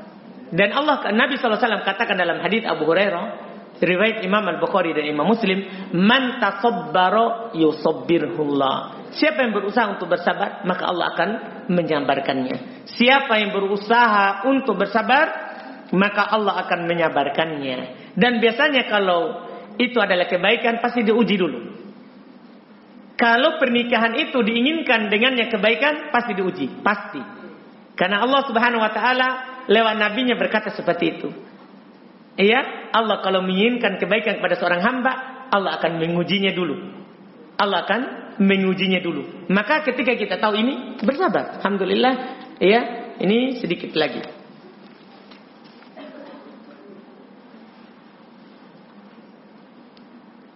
Ini Ustaz, tolong dijelaskan sholat kosor. Ketika kita sudah tiba di rumah yang sudah di tujuan. Maksudnya sekarang dia safar. Misalnya anggaplah dari Makassar ke mana Pak Wandi? Pare-pare lah anggaplah. Kan Pak Wandi ke Pare-pare ini. Iya. Sudah tiba di Pare. Apakah boleh kosor? Itu pertanyaannya. Jawabannya Nabi SAW waktu Fatu Makkah. Ini untuk kita jawaban yang pas. Nabi berhijrah ke Madinah setelah 13 tahun berdakwah di Makkah. Hijrah ke Madinah, Madinah jadi tempat tinggal beliau, Makkah bukan. Maka Fatu Makkah, saat Fatu Makkah, Makkah ditaklukkan. Nabi tinggal di Makkah dinukil 18 hari, ada juga menukil 15 hari, bahkan ada yang menukil 18 hari. Eh 20 hari. Dikatakan bahwa Nabi SAW tidak pernah sholat genap, padahal tinggal di Makkah. Nabi tidak pernah sholat genap. Maksudnya sholat seperti biasa. Nabi selalu kosor. Duhur dua rakaat, asar dua rakaat, maghrib tiga rakaat, isya dua rakaat. Sampai kapan? Sampai belum kembali ke Madinah. Jadi, yang saya ingin sampaikan, sampainya kita di tempat tujuan, itu tidak menjatuhkan hukum safar. Sampainya kita di tempat tujuan, itu tidak menjatuhkan hukum apa? Safar. Kita tetap dikatakan kita bersafar. Sudah jam? Cukup? Oh lima menit lagi, oh, korupsi kita ini masuk gede. Iya. Iya, alhamdulillah. Memang masih banyak ini, alhamdulillah. Tapi kalau diikuti, tidak selesai ini. Saya ikut waktu yang ditetapkan oleh panitia saja. Nanti kalau masih ada, insya Allah kita bikin lagi. Ini masya Allah bagus sekali. Ini ada pertanyaan terakhir mungkin ini. Ini lembar terakhir, anggaplah lembar terakhir. Ya mohon maaf kalau ada masih ada yang belum dijawab. Ibu saya sudah meninggal, dimakamkan di kampung. dengan tidak membangun kuburannya. Allah nenek saya yang membangun kuburan ibu saya tanpa sepengetahuan saya dan ayah saya. Apa yang harus dilakukan?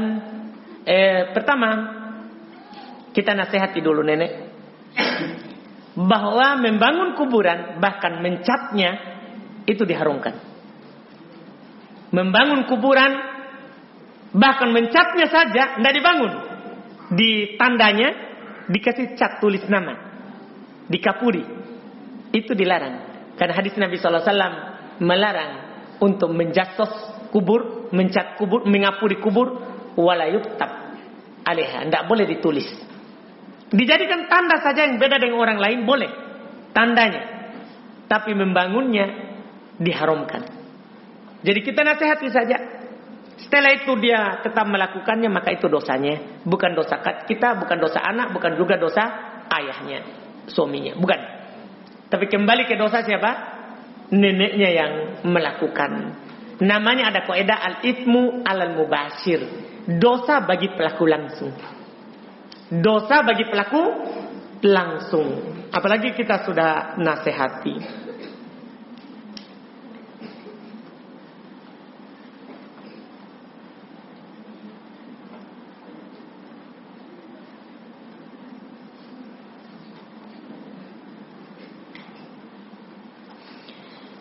Berilah nasihat buat kami yang memiliki niat menikah tapi selalu saja ada halangan.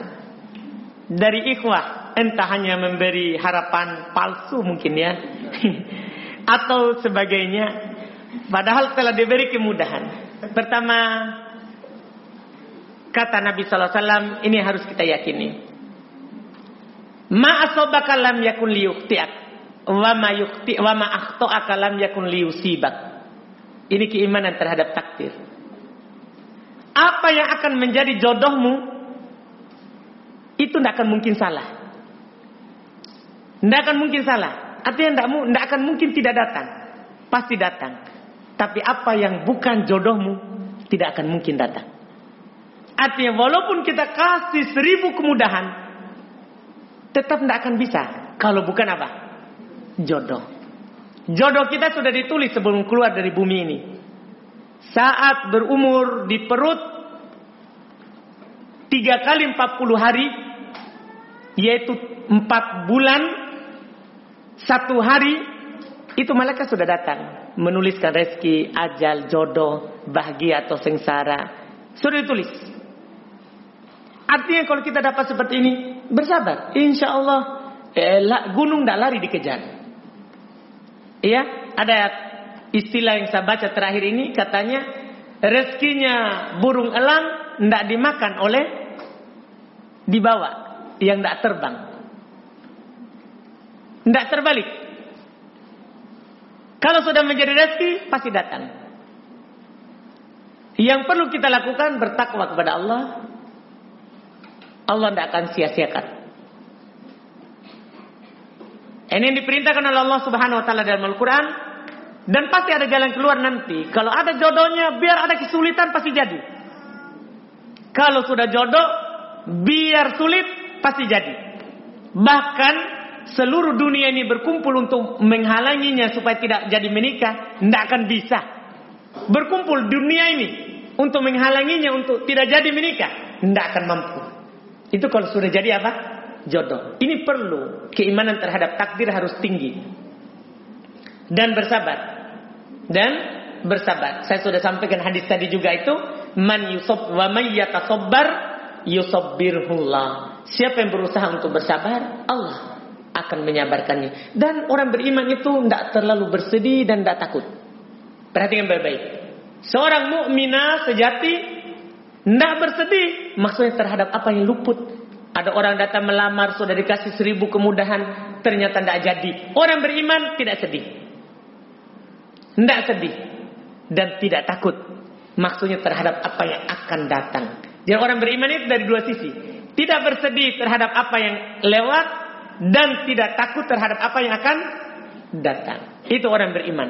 Ini yang selalu diingat. Ini yang selalu diingat. Iya, sebagai seorang yang mengalami hal yang seperti ini. Alhamdulillah, mudah-mudahan apa yang kita lakukan di hari ini ada manfaatnya. Dan semua yang benarnya dari jawaban tadi, dari pertanyaan-pertanyaan yang telah sempat kita jawab, itu dari Allah Subhanahu wa taala dan hidayah darinya. Dan apa yang salah itu dari kekurangan kami dan dari syaitan. Subhanakallah bihamdik asyhadu an la ilaha illa anta astaghfiruka wa atubu ilaik. Assalamualaikum warahmatullahi wabarakatuh.